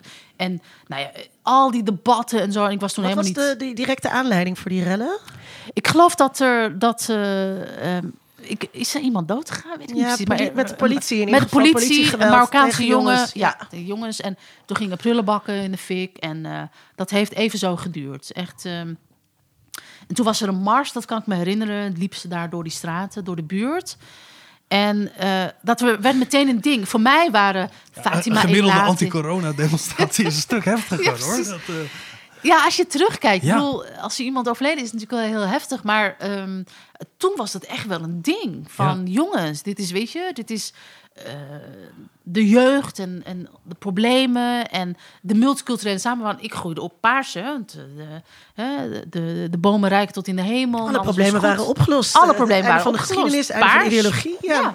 niks aan de hand en het was prima. En er waren helemaal geen kut Marokkanen. Er waren niemand die daarop... eh, en, en ineens wel, ineens speelde het wel, 98. Maar voor mij was het nog echt ver van mijn bed. Terwijl altijd wel eh, gezegd werd over ehm, eh, eh, de baarsjes en zo. Dat werd altijd Klein Marokko genoemd onder Ja. studenten en zo. Ja. Het was wel duidelijk dat er een soort ehm eh, ghettovorming was. Dat er wel Ja. iets gaande was ook. Ja. ja, Katorplein. Dat kan ik me... ja, met. Ja, Nog. Je, Ja. Dat was dan echt wel een... eh, no-go. Ja. ja, een Zet je ghetto. fiets, je, eh, op hard, slot. hard, Ja. hard fietsen. Eh, ja. Nou ja, maar niet no, maar niet no-go. Want ik, ik had allemaal eh, Nou, no-go, wel studentenvrienden die daar... Nee, er Oh, woonden ja. allemaal studenten. Ja. ja, maar wel ietsje meer naar het Nee hoor, gewoon Marco Polo straat en zo. Ja, en, eh, Ja, ja, Super hip nu. Oh. Ja, Nu wel, ja, ja. Maar, Ja. en, nee, dus die woonde, dus ik ging daar eh, ook mee. Maar je moest wel je fiets driedubbel op slot Ja, zetten. ja. En, maar verder niet, want niet van dat je daar niet kon komen of zo, maar wel, maar wel dat. En wel, Ja. eh, dat, eh, dat is Klein Marokko. ja. ja. ja. Dat, dat- ehm, eh, Hangjongeren, dat speelde dreiging. toen. Ja. Dat er een, een, een, een idee van dreiging ontstond. ik was die rellen Ja. helemaal eh, vergeten. Ja. ja. Ehm, maar het is wel een mooi bruggetje, want daarna zijn er natuurlijk allebei keerpunten geweest die, we, die iedereen denk ik wel kent. Dus 9-11 en eh, de opkomst van Pim Fortuyn, eh de moord op Theo Theo van van Gogh. Ja. Ehm, maar eh, want als, als ik ga zeg maar naar wie is de Marokkaan in de media... Wat dan het beeld dat direct opkomt, zijn die jongens. Zijn eh, eh, die rellende jongens. eh, eh, het beeld van eh, criminele wijken. ehm, eh, De buurt van Mohammed B. ja, precies. Dat, die, die problematiek. Dat, is dat ook, als, ik, als je zegt de Marokkaan in de media, is dat ook waar jij aan denkt als witte Ja, ja, Nederlander? een heel, volgens mij is het een heel duidelijk, weet niet of het een archetype moet noemen, maar in ieder geval een stereotype van eh, een, een, jongen ergens tussen de 13 en eh, nou 23, veel ouder niet in ieder geval. Ja. Eh, op een scooter met een bondkraagje. dat is het Ja. beeld waar wat gezien wordt als gelegitimeerd om ook van te zeggen dat zijn Marokkanen en die moeten, eh, daar moet wat aan gedaan worden of moet hard aangepakt worden of vormt een categorie in zichzelf. En dat is ook wie dan symbool idee. staat voor als het over Marokkanen gaat, dan gaat het daarover. En niet over hun zusjes. Nee, als, als ik denk aan die hashtag, denk ik dat het over deze groep gaat. En gaat het niet over eh, die mevrouw van 55 die erg... Nee, dat, dat, dat is dan Ja. niet de categorie Marokkanen. Het is ook niet... Ik denk dat het, dat meervoudsvorm is ook gelijk dat het een groepje is hè, waar je het dan eh, over hebt. En dat is dat groepje heb ik heel erg het idee. Ja. Dus eh, zie je dat, is, is dat zo? Dat, dat, dat, dat, is dat het dominante beeld van de Marokkaan in de media? Op dit moment? Ehm, ik denk dat er verschillende eh, Marokkanen een rol hebben. Of een rol toebedeeld krijgen. Of een rol opeisen eigenlijk. Inderdaad, die, die van de jongens, vaak 13 tot 23 volgens de statistieken. Eh, weet je nog tasjesdieven in, in, in Amsterdam-Oost? Toen de jongen werd... eh, dat een vrouw achteruit ging en de jongen werd doodge- Ja. doodgereden. Eh, haar, de tasjesdief, dat werd ook een heel ding. Hè, dus inderdaad, scooter, bondkraag, eh, nou ja, Prada. Dat was een tijdje, hè? ik weet niet, nu is iets anders in de mode. Maar een tijdje had van die, van die jongens hele te veel te dure schoenen, lelijke schoenen ook. Ja, Italiaanse design. En ehm, ja, dat, die liep met, handtasjes met handtasje. Ja, heel walgelijk. mooi Ja. feminien... eh, eh, eh, De manbag, Ja, ja. Zo'n hand- zo'n zo'n zo'n tas, inderdaad, ja. En- En, maar komt dat niet van... Ik ging naar, ik ging naar Algerije met de Ja. boot. En eh, toen zagen we alle, alle vaders hadden zulke soort tasjes waar alle papieren in zaten. Toen dacht ik, hè, oh, komt het dan daar vandaan? Ja, mijn vaders hadden altijd van die vissersjasjes, hè, met al die zakken waar je allemaal dingen Ja. in Ja. kwijt kon, of, of heuptasjes. Maar ja, die jongens, ja, ik weet niet, eentje, het, is, het is echt geen gezicht. En, ehm, maar goed, allemaal stoer, het hoort erbij, praten en zo. Het gekke is, als je dan in Marokko bent, dan, dan, dan haal je de Marokkaanse Nederlander gewoon uit. Die verschilt met de, de, de Franse Marokkaan en de Vlaamse Marokkaan. Dat is heel leuk om, eh, om Ja. Marokkanen te spotten in, in Marokko. en, ehm, Land van herkomst. Land van herkomst. De bingo-kaart. Dus Ja, van, oh, die is, ja, nee, dit is, dit is daar. Je weet ook gewoon Noord-Frankrijk, Zuid-Frankrijk, maar goed. Ehm, ehm, eh, overigens zijn er ook regionale verschillen. Over de Marokkaan gesproken, die bestaat natuurlijk niet. Maar, maar ja, je hebt dus de criminele Marokkaan, jong, eh, die het allemaal beter weet, homofoob bovendien, hè. Als het gaat om homofobie, hè, zeker in de grote stad, dan is het vaak eh, de Marokkaanse jongen die, die dan opduikt als dader. Dat. Je ziet ook de, de knuffel-Marokkaan, hè, die, die opduikt. Nou, Ali B is natuurlijk de verpers- verpersoonlijking van de knuffel-Marokkaan. Ehm, Hij is anders. hij is anders. Hij en, lijkt het genre ook wel gewoon uitgevonden te hebben. Ja, hij heeft En het uitge- allemaal hij heeft weer van- nieuwe jongens aan zich weten te binden die die, die rol Nou, ook dat weer... werkt niet altijd, hè? Nee. Want eh, hij heeft heel veel jongens in zijn stal, maar dat zijn nog altijd ja, stoute jongens. Eh, boef, eh, ja, die is Ja. behoorlijk stout als je boef heet. En al die andere jongens weet ik. Maar hij blijft gewoon eh, ja, de knuffel Marokkaan. Hij heeft dat natuurlijk allemaal zelf gecultiveerd. Heel slim, marketingtechnisch, mediatechnisch, super slim gedaan. Ehm, ehm, maar je hebt ook de professionele Marokkaan. Ik, ik kan me nog herinneren dat ik zeg maar 16, 17, dat ik al die debatten. Dus de jaren 80, jaren 90, dan zag ik weer eh Mohamed Shepi, Fatima Elatik, Samira Bouchibti, al die lui, die, die gingen dan in debat met Ayaan Hirsi Ali. Gewoon zo. Ja, een beetje het idee van woordvoerderschap. Eh, Woordvoerderschap, ja. ja, Ehm, en eh sommige waren heel leuk en sommige waren echt onuitstaanbaar. Dus je dacht, wat heb je, je, bent- je spreekt toch niet namens de gemeenschap of zo? Dus je hebt wel de, zeg maar de professionele Marokkaan.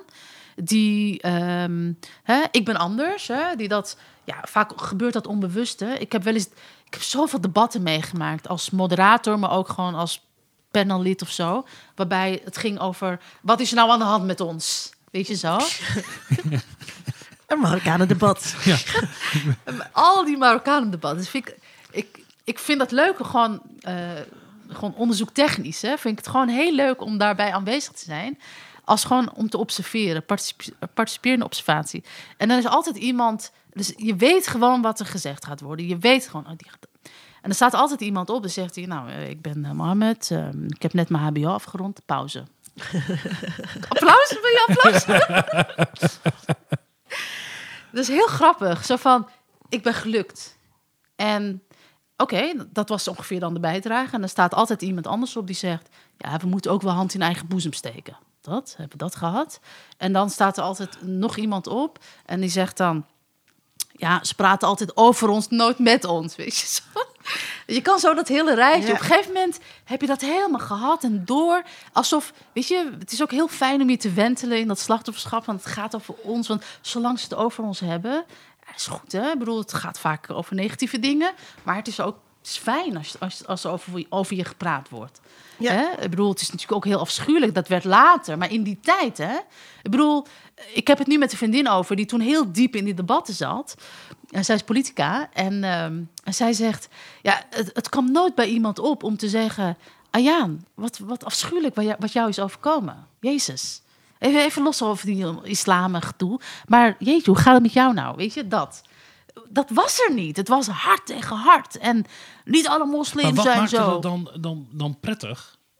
Dat, dat, Nou, niet prettig, maar gewoon, je mag meepraten. Ja. Het gaat om belangrijke zaken. En eh, ja, je mag aan tafel, je stem wordt gehoord. Ook al zeg je gewoon Maar dat was natuurlijk wel een hele een, selectieve groep uit de Marokkaanse gemeenschap Ja, die aan tafel En het mocht. waren steeds dezelfde. Ja, En je had daar ook mensen die provoceerden. Je had daarna, op een gegeven moment had je de AEL met ook de Nederlandse tak.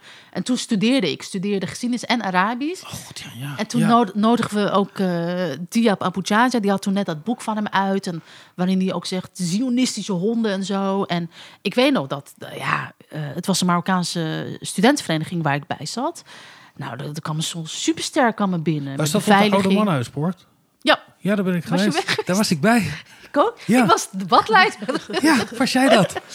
Maar er hing een hele eh, op... Dat was een ding, ja. Ja, maar ontzettende excitement hing Ja, daar. excitement. Ja. Echt, echt. Eh, hij was een ster. Want hij was eigenlijk iemand, een soort ja, Malcolm X, die, die Ja. zoiets had van... wat nou, wij bepalen Ja. weet je, wie wij zijn. En eh, geadoreerd echt. Ja. Meisjes vooraan. Die, meisjes eh, vooraan, zeker. En die eh, jongens ja. vonden het ook. En je kreeg een soort van erkenning van je mag zijn. En je hoeft niet zo'n meeloper te zijn. Of je hoeft niet steeds... je moet vechten, je moet strijden, je moet je plek opeisen. Dat was zeg maar het debat. Ja, ik heb daar, ik heb daar altijd als... Nogmaals, van een beetje van een afstand naar proberen te kijken. Ik vind dat heerlijk om dat Ja. zo te aanschouwen. Nee, maar ik begrijp je nu veel beter wat, Ja. wat, het, wat het goede gevoel eh, was. Omdat er een... Ja, ik zat in die zaal daar en ik voelde ja. een, een enorme opwinding Ja. van... eh, ja, inderdaad, Er was Malcolm opwinding, X-achtig. eh, En hij had over Arabisch nationalisme. Dus dat was ook weer zoiets nieuws. Hè? Dat was nieuw. Hij had het helemaal niet over islam. Hij had over Arabier. Ja. Terwijl er waren ook heel veel jongens en meiden met, met een Berber-achtergrond. Dus dat, eh, ja, dat, dat vond ik nieuw. En dat is... Ja, ik, ik, ik studeerde toen en ik wist niet zo goed wat ik moest doen. En ik, ik had, net een half jaar Amerika achter de rug. En toen dacht ik, ja, whatever, moet ik doen. Eh, en toen zei een professor van, ja, doe iets met je Marokkaanse achtergrond. Want als jij het niet doet, doet niemand het. En toen dacht ik, ja, er zit wel wat in. En ik had mijn, eh mijn studiegenoot, mijn beste vriendin, die was Joods, orthodox Joods. En die kreeg hetzelfde advies. Doe iets met je ook iets met. Marokkanen. En eh, dus zijn we toen, toen. ah, En ik had toen in die periode ook een expositie gezien over Marokkaanse vrouwen en hun migratie.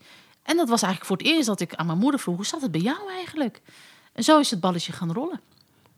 En dus ik, ik heb me, toen ik politiek bewust werd, werd het meteen ook een, een onderzoeksthema voor mij. ja. Eh, dus ik ik heb mijn identiteit ook een beetje vereenzelvigd met eh, mijn onderzoek, als het ware. Ja, Maar goed, er was wel een moment dat ook het debat mij natuurlijk aangreep. Wat ik heel aangrijpend vond, was de moord op Theo van Gogh. Dat is mijn stad, door iemand die op mij leek, op mijn broertje leek, op mijn neef leek.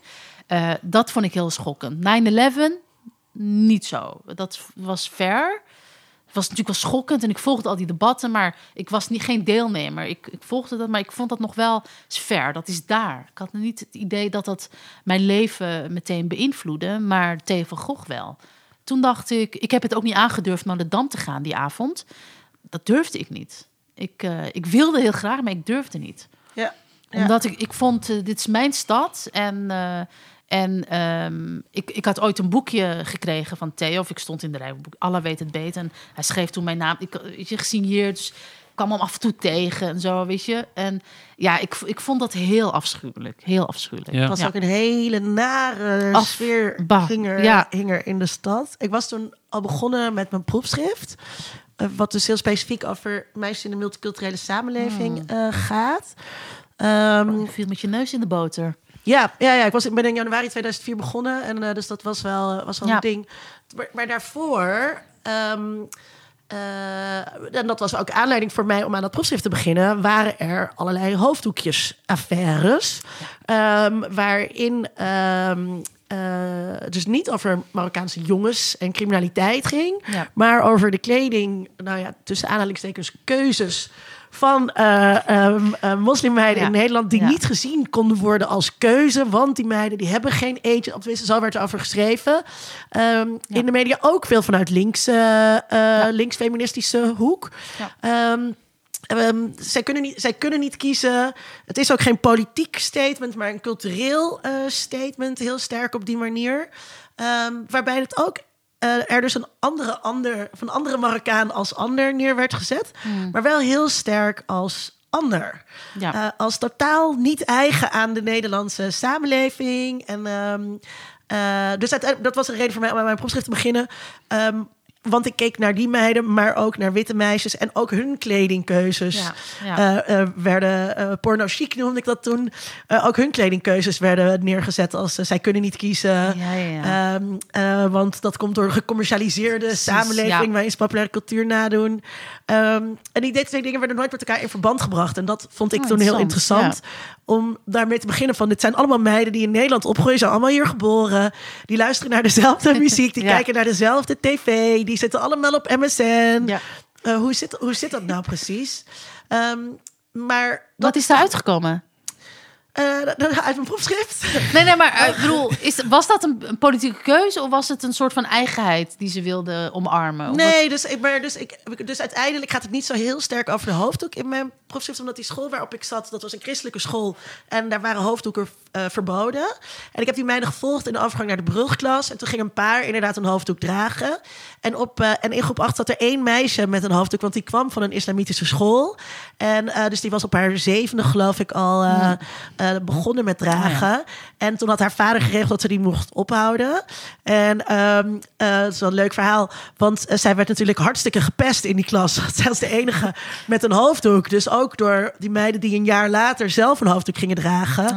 ja, die ja. pesten haar, want je valt gewoon op en je Ja. bent raar. En, en zij heeft toen haar vader ehm, eh, een hele mooie brief geschreven met... ik ga extra bidden, maar mag ik alsjeblieft die hoofddoek afdoen? en toen mocht hij af Oh, en toen, en ja. toen eh, lag ze dus ook veel beter in de groep. En ehm, en wat, wat ik met die meiden daarover sprak, was inderdaad niet een politieke keuze. Wel religieus in de zin van ehm, dat ze sterk benadrukte dat eh, Allah vindt dat je er zelf voor moet kiezen, want anders telt het niet. Ja. Maar heel sterk ook bij de oudere meiden horen. Oh, ja, wat voor hun dan meespeelde. Wat natuurlijk bij die meisjes op die leeftijd heel herkenbaar Ja, ehm, absoluut. of heel inleefbaar eh, is. Ja. Ehm, maar het is wel, het is wel ehm, die, die, dat is nu weer op de achtergrond geraakt, eh, heb ik het idee. Eh, we hebben natuurlijk weer de boerka-dingen gehad. Ja. Maar nu hebben we het helemaal niet meer over. ehm, ook een, oh, het is ook een tijdje heel erg gegaan over criminele moslimmeisjes. Terwijl ik het idee heb dat we nu. dat er, dat er eigenlijk. Dat, dat je nooit wat hoort over die meiden. Dat het, de focus ligt altijd op die scooter, scooterjongens. Ja, of tenzij ze de radicale islamkant opgaan. Dan heb oh ja, je het. Ja, ja, ja, ja. dan- ook Syriëgangers. Ja, Syriëgangers, dat is eh, waar toch heel veel Marokkaanse meiden ook eh, bij, bij zitten of bij zaten. Dus ehm, jihadisme, maar sowieso gaat het heel erg over religie de laatste, laatste jaren. Ja. En, eh, en vanaf 2015 eigenlijk, natuurlijk veel eerder, hè, ik bedoel 9-11, heeft mensen ook heel bewust moslim gemaakt, zonder dat ze daar stil bij stonden. Ik ben moslim, maar ehm, ja, je wordt moslim gemaakt, dus dan ga je daar ook eh, naar gedragen. Je wordt niet als moslim geboren. Je wordt niet- nee. Simone Beauvoir zeggen. Je wordt tot moslim gemaakt. Ja, precies. Ehm, maar precies zoals dat ook met hun ouders eerder gebeurde. hè? ja. Dat, die kwamen niet als moslim, die kwamen niet als vrome mannen. Die kwamen gewoon als jonge gasten. En dus leeftijd speelt een belangrijke rol. Ik weet nog, toen ik, toen ik studeerde, ik studeerde ook Arabisch dus en, eh, en geschiedenis. En ik deed heel veel vakken, ook cultuurkunde en dat soort dingen. Dat ik voor het eerst naar die hoofddoek keek, ook vanuit, weet je, zo'n wetenschappelijk perspectief. Dat vond ik reuze interessant, want ik had... ehm, ja, een soort herkenning was dat. En ik had nooit eerder het idee, je kan hier ook onderzoek naar doen. Je kan dit bestuderen. Ik denk het gewoon bestaat, want ik zag het om me heen en zo. Ehm, Leuk is dat, hè? het is superleuk. Heel erg leuk. Ook als je er zelf onderdeel van- uitmaakt, dat betekent niet dat je er alles vanaf weet. Hè? Eh, tegenwoordig gaat het ook heel vaak wie mag wat onderzoeken, wie mag met wie praten. Ehm, Vorige keer nog over gehad eh, in Oké. onze podcast, omdat we toen eh, iemand hadden, eh Alec Bedenoch, die onderzoek doet naar vrouwengeschiedenis en radio. Ah. En hij is een man. En Ja. het daar ook even Ja, dat. gehad. Maar Ja. zeker, etniciteit speelt Ja. er natuurlijk ook een rol bij.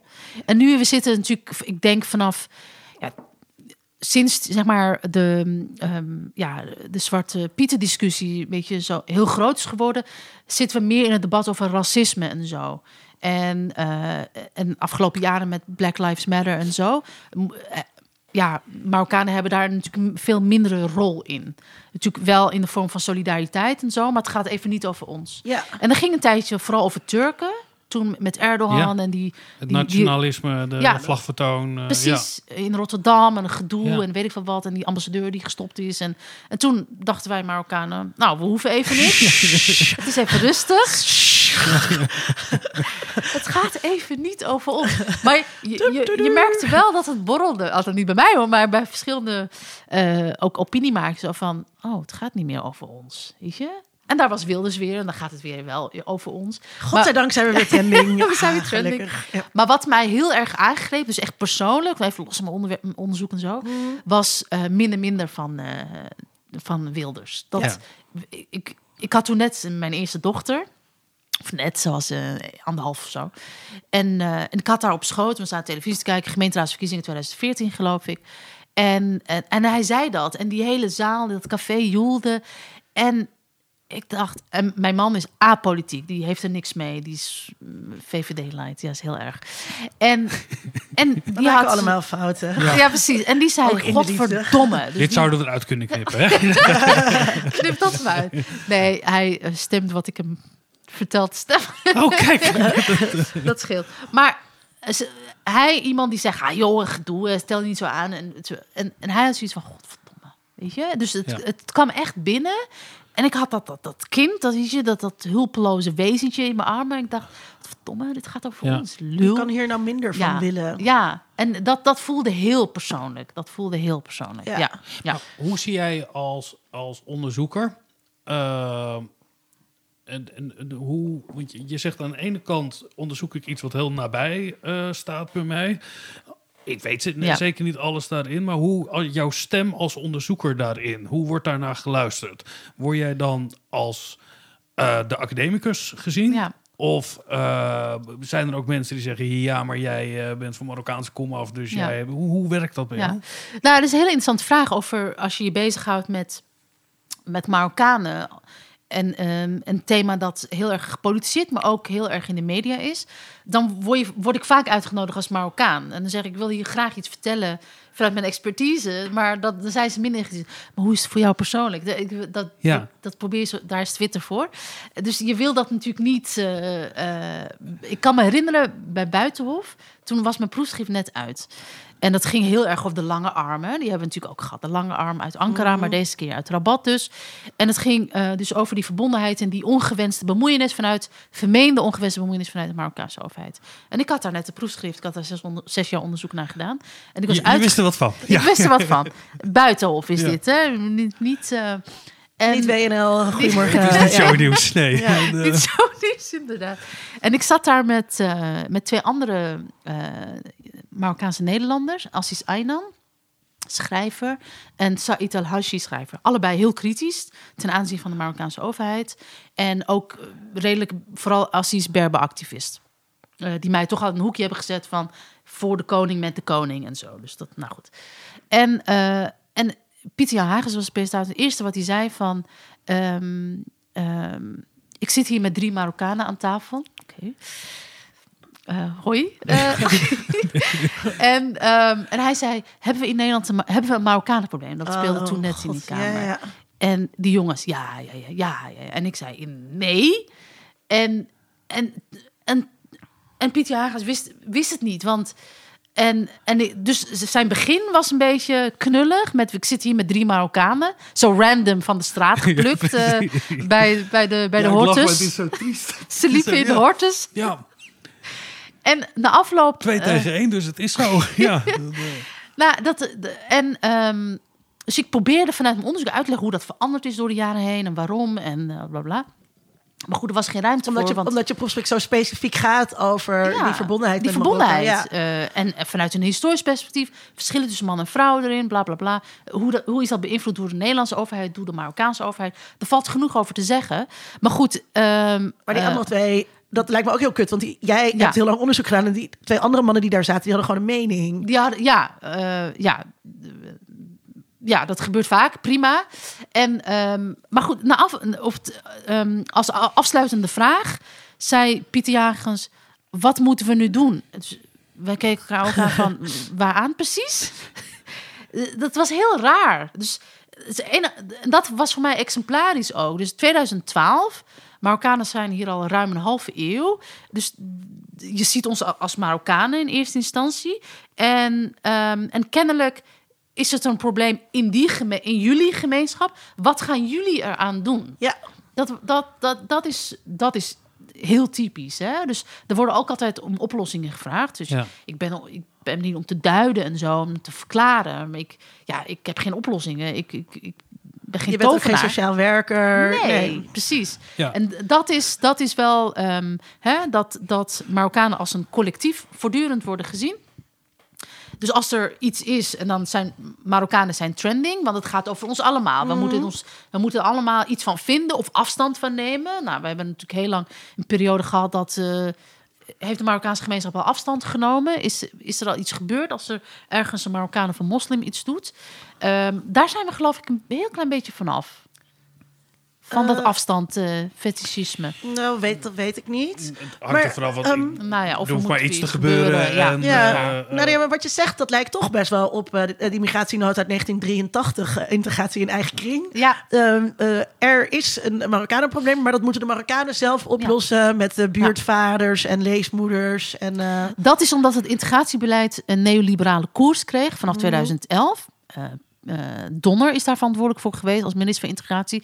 Die heeft gezegd: van, eh, vanaf nu is integratie een individuele aangelegenheid. Je eigen verantwoordelijkheid.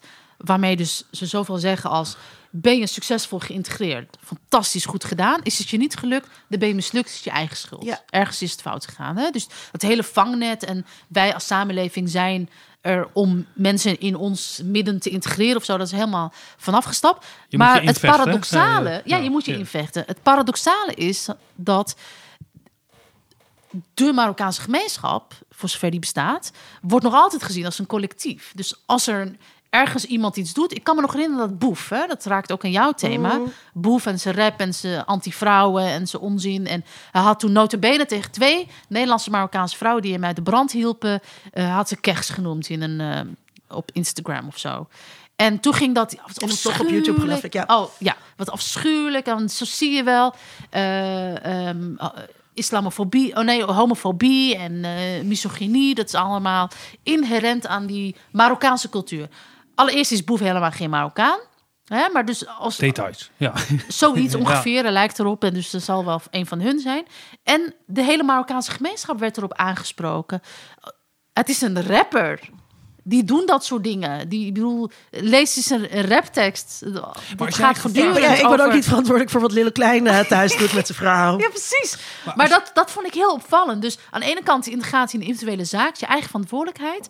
Maar als er een Marokkaan ergens iets doet, is het meteen het, de verantwoordelijkheid van, eh, van de hele gemeenschap. En die moeten wat van vinden of die, en die moeten het oplossen. Ja, is cultuur. Maar als jij dan gevraagd ja. wordt om eh, ergens iets van te vinden, Ja. Is het je dan duidelijk vanuit welke rol je dan gevraagd wordt om iets te zeggen? Ben je dan een, een woordvoerder van de gemeenschap? Ben je Ja. een eh, historicus die onderzoek heeft gedaan? Of ben je je persoonlijke geschiedenis? Ben je activist eh, Ja. misschien wel? Eh, Nee, ik heb, ik heb me nooit opgesteld als vertegenwoordiger van de gemeenschap. Want dat ben ik niet en dat wens ik ook niet te zijn. Eh, verre van, want eh, dat, dat lijkt me gewoon flauwekul. Eh, ik vraag het wel altijd, maar ik probeer, ik probeer geen opiniekoekenbakker te worden. Dus overal maar een opinie uit te draaien. Dat probeer ik te voorkomen. Dus ik, ik ga in op uitnodigingen die, ehm, die raken aan mijn expertise, waar ik iets Ja. zinnigs over kan zeggen. Eh, maar ik ga niet, eh, wat vind jij van Marokkanen of zo? Dat Ja. probeer wel te duiden. Als bijvoorbeeld, ik, ik heb meegewerkt aan die NSC-podcast over criminaliteit en Marokkanen. Van hoe komt het nou? nou? Dat vind ik heel erg interessant, want dan ga je echt de geschiedenis in en de literatuur in en de onderzoeken. En dan probeer je uit te leggen. Nou, hoe komt dat dan? Is, is dat een, iets cultureels? Is dat, waar, waar ligt dat aan? Welke factoren spelen daarin een rol? Dat, vind- dat vind ik interessant om uit te zoeken. Maar Ja. dan heb je gewoon. Eh, en daar werd niet aan jou gevraagd, wat ga je eraan doen? Dat, eh, Nee, nee, nee, zeker dat, eh, niet. Maar in de tijd dat Wilde zo groot werd, werd er voortdurend, kreeg ik uitnodigingen, wil je in debat met een PVV'er? Ja, Nou, dat, dat, liever Ja. niet. Nee, nee, dankjewel. Ik bedoel, A, is het niet van hetzelfde niveau? En ik heb niet zoveel zin dat iemand daar tegenover mij gaat zitten en mij voor rotte vis uitmaakt. Je bent, ook niet, eh, je bent ook niet de, eh, de, de Marokkaanse schietschijf, zeg maar. Dan. Precies, nee. Um, er zijn nog twee dingen waar ik het heel Ja. graag over wil hebben, als je me dat toe wil staan. Ehm, is er ook enige aandacht eigenlijk voor ehm, Marokko ehm, eh, in de media? En, en wat voor aandacht is dat dan? Ja, oh, dat vind ik een hele goede vraag. Ehm, je, kondigt me aan als, eh, als iemand die verbonden is aan het Instituut voor Geschiedenis, Urban Studies. Maar ik ben ook verbonden aan het, het het Nederlands Instituut in Rabat. Dat is eh, het kleinste instituut van eh, onze faculteit Geesteswetenschappen. En eh, het is een, nou ja, een, gewoon een academische instelling in Rabat, hoofdstad van Marokko, waar studenten naartoe kunnen om vakken te volgen, onderzoek te doen, et cetera. En vanuit Leiden begeleid ik de studenten die daarheen gaan. Dus je ziet Hè? Dus er is, er is ehm, in ieder geval academische belangstelling, want dat, lang was dat niet Ja. zo. Wij zijn de enige universiteit ehm, die aandacht geeft aan de geschiedenis van Marokko. Ik geef een hoorcollege over geschiedenis van Marokko. Nergens anders doen we dat in Nederland. Dat is best raar, want Marokkanen zijn na grootste geme- migrantengemeenschap in Nederland. Enfin, de, in de media. ehm, Gelukkig zijn er sinds kort ook verschillende correspondenten die ook actief zijn in Marokko. Heel lang was dat niet het geval. Dan, ja, dan, dan kwam er dus ook geen nieuws deze kant op. Eh, nu is dat gelukkig wat anders. Afgelopen weekend stond er een, prachtige reportage, ook schrijnende reportage over persvrijheid en, eh, en de journalist die nu eh, opgesloten zit, eh, waar Nederland ook een rolletje in had. Ehm, dus zo goed dat, dat, die, dat die aandacht er is. Maar, ehm, en het gaat vooral over die lange armen, hè, en over de bemoeienis en de, de hash en de drugscriminelen die een veilige haven zoeken in Marrakesh bijvoorbeeld. Dus als het gaat om criminaliteit en veel als het gaat over problemen, Ja. dan, dan komt, dat, komt dat veel aan bod. Maar het gaat nooit over ehm, eh, ja, Marokko als vakantieland of Marokko waar je naartoe kan. Of wat gebeurt er op cultureel gebied in Marokko. Daar gaat het weinig over. Ik heb ook niet het idee dat er eh, bijvoorbeeld veel Marokkaanse films hier draaien.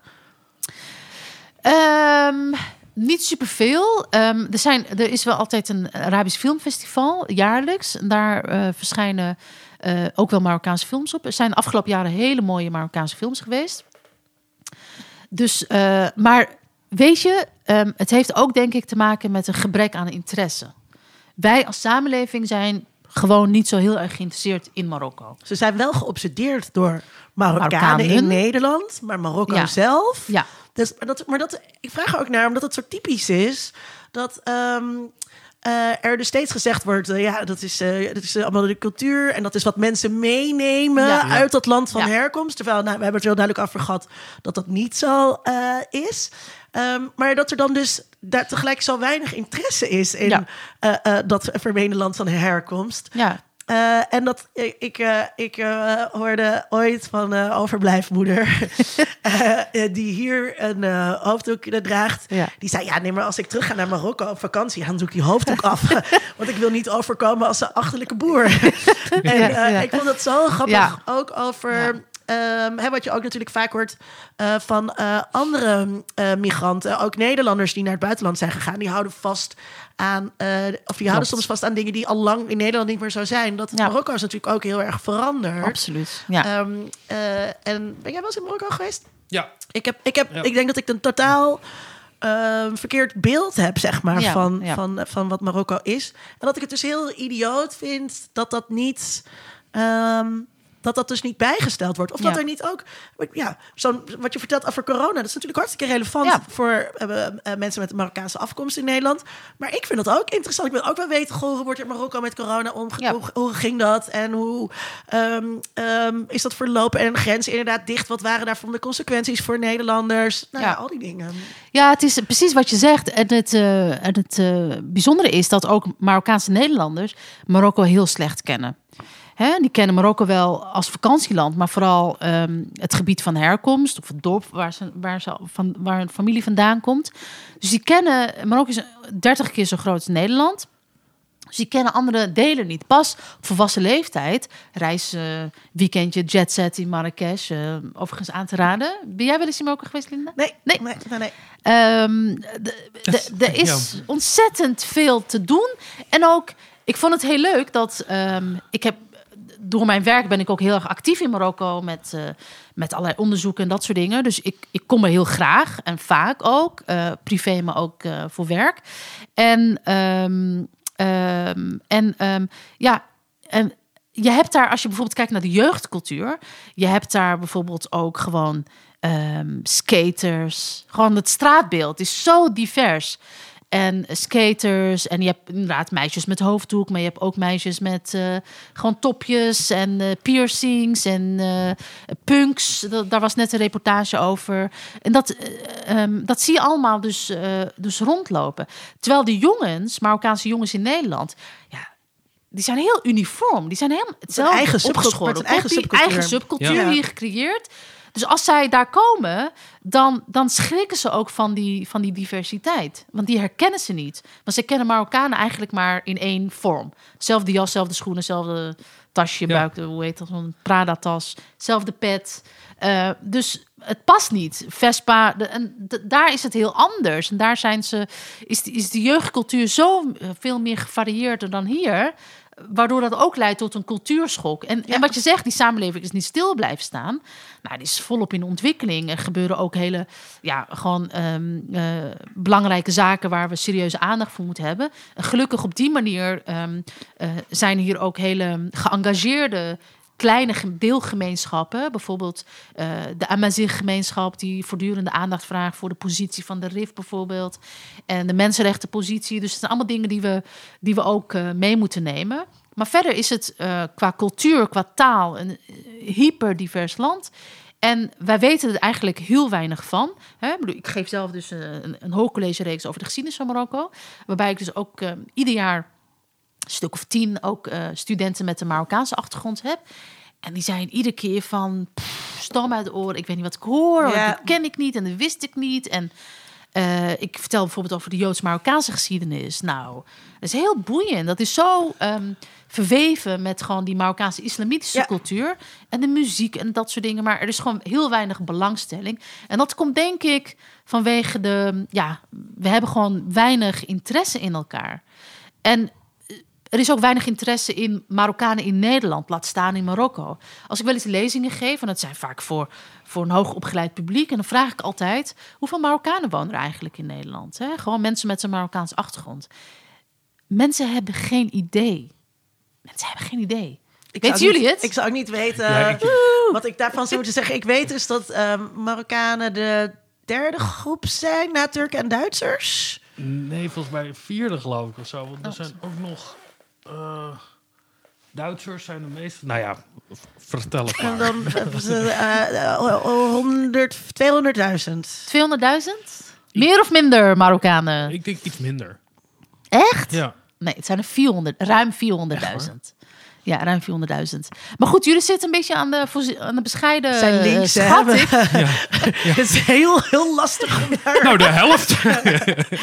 Maar ik heb dus mensen die dan roepen 3 miljoen.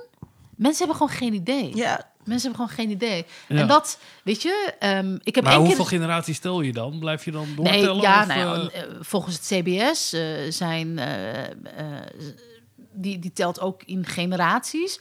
Dus die, die, daar is een derde generatie. Die bestaat uit ongeveer 25.000 personen.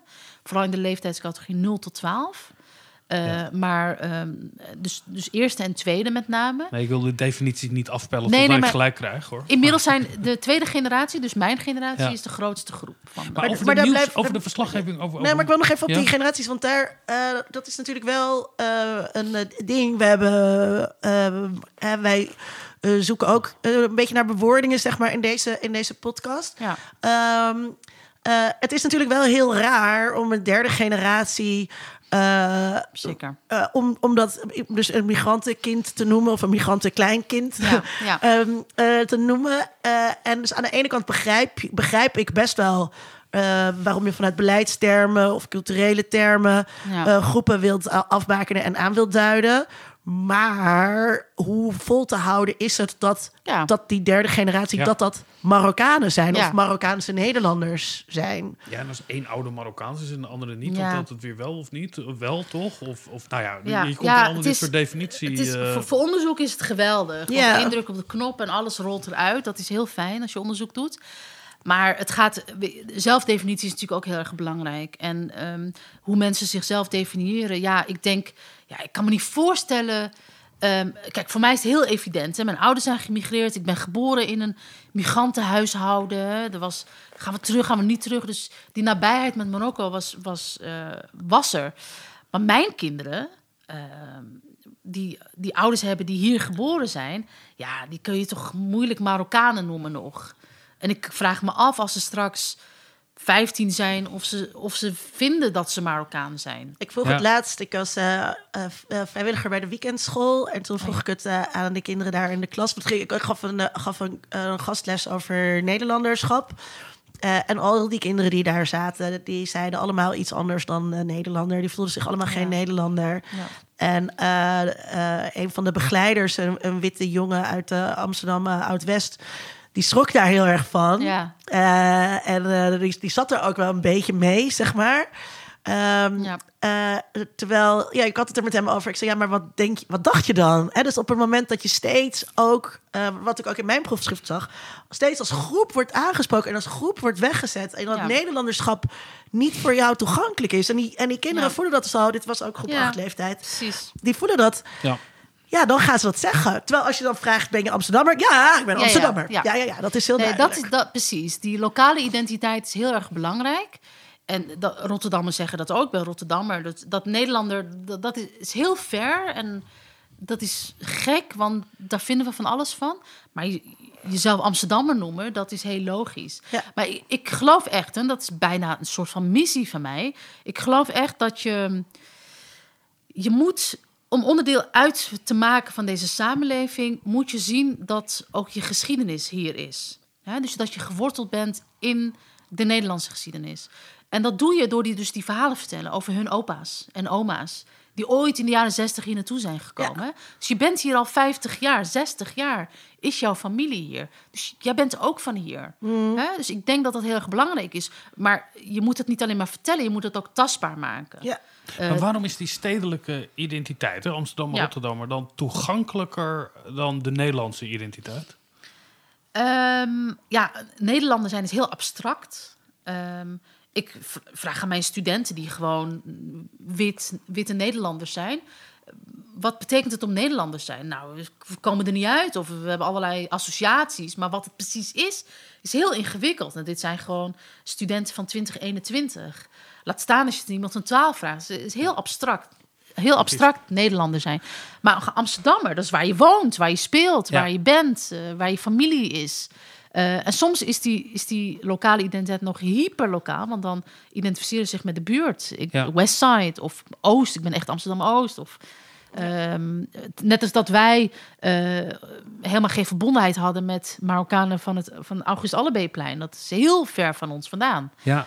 Dus ik denk dat de, de, de buurt als, als identiteit, als hoeksteen van de identiteit ook heel erg belangrijk is. Ik onderbrak je net, weet je nog wat Ja, je nee, vragen? ja het- ik, ik zat te denken over de representatie van Marokko. Ik heb, als het negatief nieuws is, eh, verhalen rondom onderdrukking, dan is daar volgens mij wel aandacht voor. Zie je een verklaring waarom we daar dan wel over horen? Ik heb er zelf wel een idee bij, dat het eh, als een soort verklaring geeft van dit is de plek waar mensen vandaan komen en dit, dit Ja. dicteert dan eigenlijk ook een soort volksaard wat we, waar we hiermee opgescheept zitten. Is, is, is dat, Zie je wel. Zie je ja, wel. zie je wel. Ehm, dat kan. Ehm, ehm, tegelijkertijd ehm, heeft het ook te maken met die hele gespannen relatie tussen Nederland en Marokko. Diplomatiek is Ja. nu even niet zo goed, al een tijdje niet. Ehm, dat heeft gewoon te maken met allerlei zaken. Illegale terugsturen. Die Marokko zegt, dat zijn niet van ons. En nou, dat soort dingen. Dus je moet elkaar te vriend houden. Marokko speelt een hele belangrijke rol als het gaat om ehm, terrorisme en informatievoorziening en bestrijding van terrorisme. Dus daar wil je aan Europa ook gewoon aanhaken. En Marokko denkt, "Pss, Nederland, klein landje, waar bemoeien jullie je mee? Ja. Eh, die, die hebben veel meer met Frankrijk natuurlijk. Eh, en ook wel België. Maar met, met Nederland niet zo. Nederland zijn altijd van bedweters. Dus het is... Niet en- dus? En vanuit Nederland, ik denk eh, dat voor een, een deel speelt van... eh, zie je wel waar ze vandaan komen. Vind je het gek dat ze zo worden? Of dat ze zo zijn?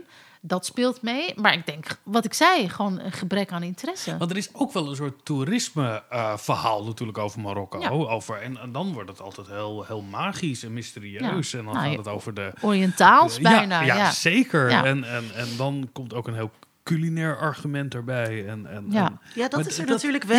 Ja, dat is wel... We gaan nu met een Marokkaan koken. ja, Leer mij Ja. alles over het gebruik van de tagine en de kruiden. een beetje en de, tagine moet je toch wel in de Ja. kast hebben staan om een beetje... maar dat Ja, is er natuurlijk wel ook wel in, de, in, de, in media. Ja, Maar, maar dat staat op een of andere manier, is de jongens waar we het over hadden, en, en dit verhaal over hè, dat, dat bijna exotisme wat daarom zit, die twee lijken helemaal niets met elkaar te maken hebben. dat is Nee. een uitstekende brug naar het einde van de aflevering... waarin we de vraag gaan beantwoorden. Nou, het werd ook wel eens tijd. Ja, ja, ja, ja. ja, ja. Ehm, eh, Vincent zei aan het begin eh, te- tegen haar... Nou, we praten meestal al een uur. Ja. Ja, Ehm, of langer, als of we, langer, eh, ja. dat moet niet uitgesproken zijn. Ja. Ehm, eh, eh, de vraag is deze keer: eh, hoe kan je Marokkaan zijn in de media? Ik laat hem eerst door Vincent beantwoorden en dan mag jij. Nou, hoe je, Kort hoe je mag daar, je, Vincent, en kort. Hoe je, daar, hoe je daarin kan zijn, dat, dat, er zijn een specifiek aantal rollen en ik denk dat we die vandaag wel besproken hebben en dat die heel benauwend zijn en, en vernauwend zijn over het beeld wat we hebben en dat er, ja, nu ga ik open deur in schoppen natuurlijk, Ja. dat het allemaal veel genuanceerder ligt en dat er eh, ook weer veel grotere rijkdom zit in de verhalen die we niet moeten reduceren tot eh, die enkele groepen. En, en dat, ja, dat zie je natuurlijk wel ook bij andere eh, groepen in de samenleving, ook in andere landen, dat er een aantal terugkerende, hoe moet je dat noemen, tropes-achtige dingen zijn. En Ja. daar mag je aan voldoen. We hebben er nog eentje niet benoemd, bedenk ik me nu. Dat is namelijk iemand, de Marokkaan, die kritiek heeft op de Marokkaanse Oh gemeenschap. Ja. Dat is ook nog eens iemand die... Ja, nou ja, die wordt natuurlijk volstrekt omarmd door de ene zeker. kant. En die mag elke keer weer opdragen om in het eigen nest te pissen. Eh, het, het- zo heb je een aantal rollen waar je uit waar je het kan herkennen. En ik heb het idee als ik naar een talkshow zit te kijken en iemand heeft nog niets gezegd. Dat ik al het idee heb van god, dat zou wel eens een keer eh, dit verhaal kunnen zijn wat er dan verteld gaat worden. En ja, Ja. dat, dat is een beperking. Ja. Eh, en Nadia. Nadja. hoe kan je Eh, Marokkaan zijn in de media? Ehm, nou, ehm, je, je moet vooral jezelf zijn. Je moet niet de rol gaan spelen. Ehm, kijk, je hebt of de, eh de Mokra-maffia... of je hebt eh, eh, die film Meskina. Die, die heb ik gezien. Dat vonden mijn kinderen ook heel erg leuk. Over een geëmancipeerde de leuke vrouw. ja, maar dat was toch zo prins. romantisch. Ze zoekt de, de prins op het witte paard. Maar nu komt er dus een serie binnenkort. En die gaat gewoon over normale Marokkanen. Gewoon Ja. met normale problemen. Dus niet het, die uiterste. We moeten niet op zoek gaan naar, naar die excessen. Want eh, ja, eh, het zijn, we- zijn net mensen. Er zitten zoveel variaties. Maar toch, weet je wat we vergeten zijn in, de, in, de, eh, in het overzicht? Shoef Habibi in Oh ja, 2004. ja, ja, ja. De eerste bioscoopfilm. Ja. Nou, die, die bioscoopzaal waar ik in zat. Nou, die knapte uit elkaar van opwinding. En eindelijk gewoon op het grote scherm Marokkanen, mensen die op ons lijken, verhalen die hetzelfde praten, herkenning. Dat is natuurlijk super hyper cliché, dat hele verhaal.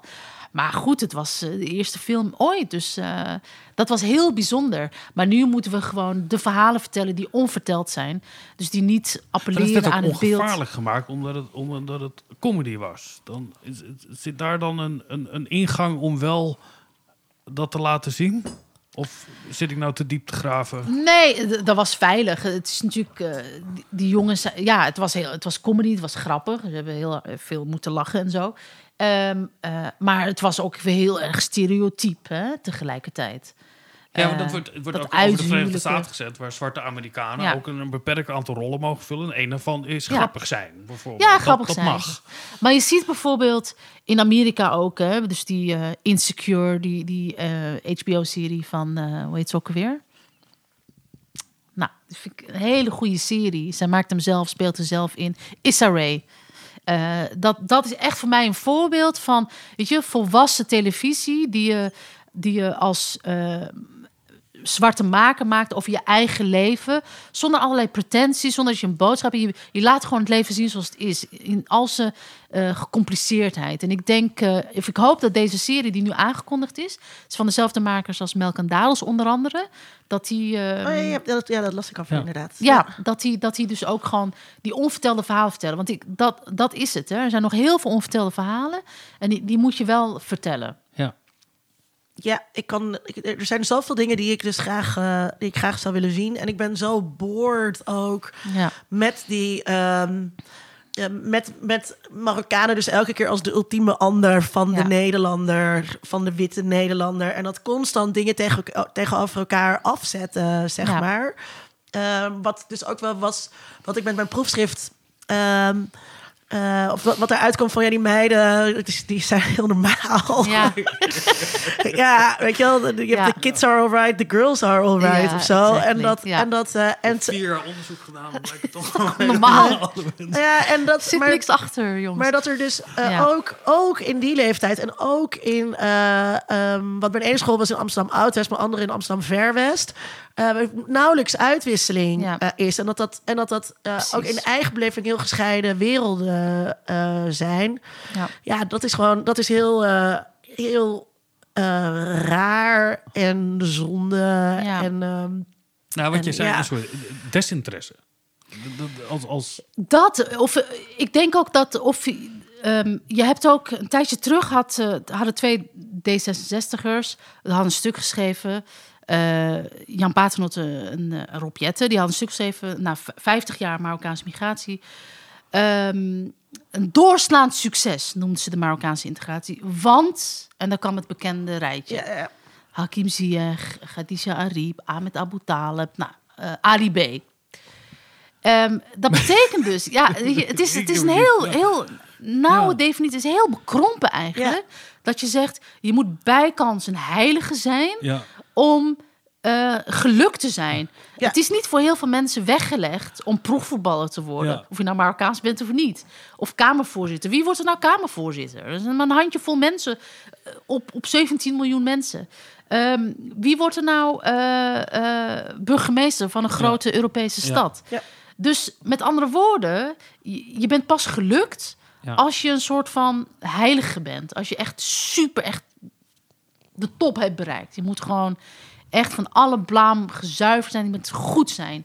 En dat lijkt me een hele ongezonde ehm, eh, instelling. Want daarmee zeg je dus... Er zijn eigenlijk twee soorten Marokkanen. De gelukte Marokkaan en de mislukte Marokkaan. Nou, lekker dan. Ja. Zit je daar met je, gewoon met je eh, Finex in je Finex-wijk en je 1,2 ja, kind. integratie. Ik weet niet meer wie het zei, maar als je migratieachtergrond hebt en je mag ook vuilbaar en gewoon middelmatig leven Precies. leiden, dat is integratie. Dat is en niet- integratie. niet- ja, Ja. waarom moeten we... de Waarbij- voorzet van Ja. Ziyech. eh, Waarbij Ja. die Marokkaanse achtergrond er eh, bij sommige mensen meer toe doet en bij sommige mensen Precies. ook minder Ja. eh, toe doet. Ja, Ja. dat zou ik heel graag willen zien. Dit was aflevering 150 van de podcast Onder Mediadoktoren. Kijk op ondermediadoktoren.nl voor ons archief. En vind daarin aflevering 40, diversiteit. Aflevering 49, het benoemen van afkomst. Eh, niet helemaal gerelateerd, maar toch wel een beetje. Aflevering 63, verbeelding van het koloniaal verleden. Eh, ik wil ook noemen, ik ga het toch noemen, eh, aflevering 90, de verheerlijking van misdaad in de media. Omdat we het daarin uitgebreid hebben over Mokram Mafia, het boek en de televisieserie. Ehm, en misschien ook niet helemaal gerelateerd, maar toch ook aardig. Aflevering 139, Oost-West denken. Nou, daar Over kan je het hele denken- kerstvakantie mee door met al deze in, eh, goede denken in tips. tegenstellingen, Ik ga, ja. ik ga luisteren. Ja, allemaal. Ja, eh, zeker die, die 139 eh, is heel leuk met, ehm, eh, met ehm, Welk was dat? over Korea. Met eh, onze Remco. Remco Remco ja, ja. mijn Ja. collega. Ja. Eh, deze podcast is gratis, maar podcast maken kost wel geld. Vind je ons goed en wil je ons steunen? Word dan Patreon of vriend van de show. Kijk op ondermediadoktoren.nl voor de juiste linkjes als je dat niet anders kunt vinden. Zo danken wij als altijd Matthijs van Listonk. Je kunt ons ook steunen door ons te tippen, bijvoorbeeld op sociale media. We zijn weer wat actiever geworden op ons Instagram-account. Dus dat kan je ook volgen of noemen. Het ondermediadoktoren. Dan kan je bijvoorbeeld de foto's zien die we zo van Nadia gaan maken. Heel veel dank, Nadia. Superleuk dat je er was. Uh, Heel leuk. dankjewel. Ja, ik vond het erg leuk. Mooi. Heel veel dank ook aan eh, mijn mede-host, mijn mede mede Vincent Kanne. Eh, over twee weken zijn we er weer. Dan gaan we het hebben over duurzame mediaproductie. Tot dan. Tot dan. Onder Mediadoktoren is een podcast van Vincent Kronen en Linda Duits. Meer informatie vindt u op ondermediadoktoren.nl.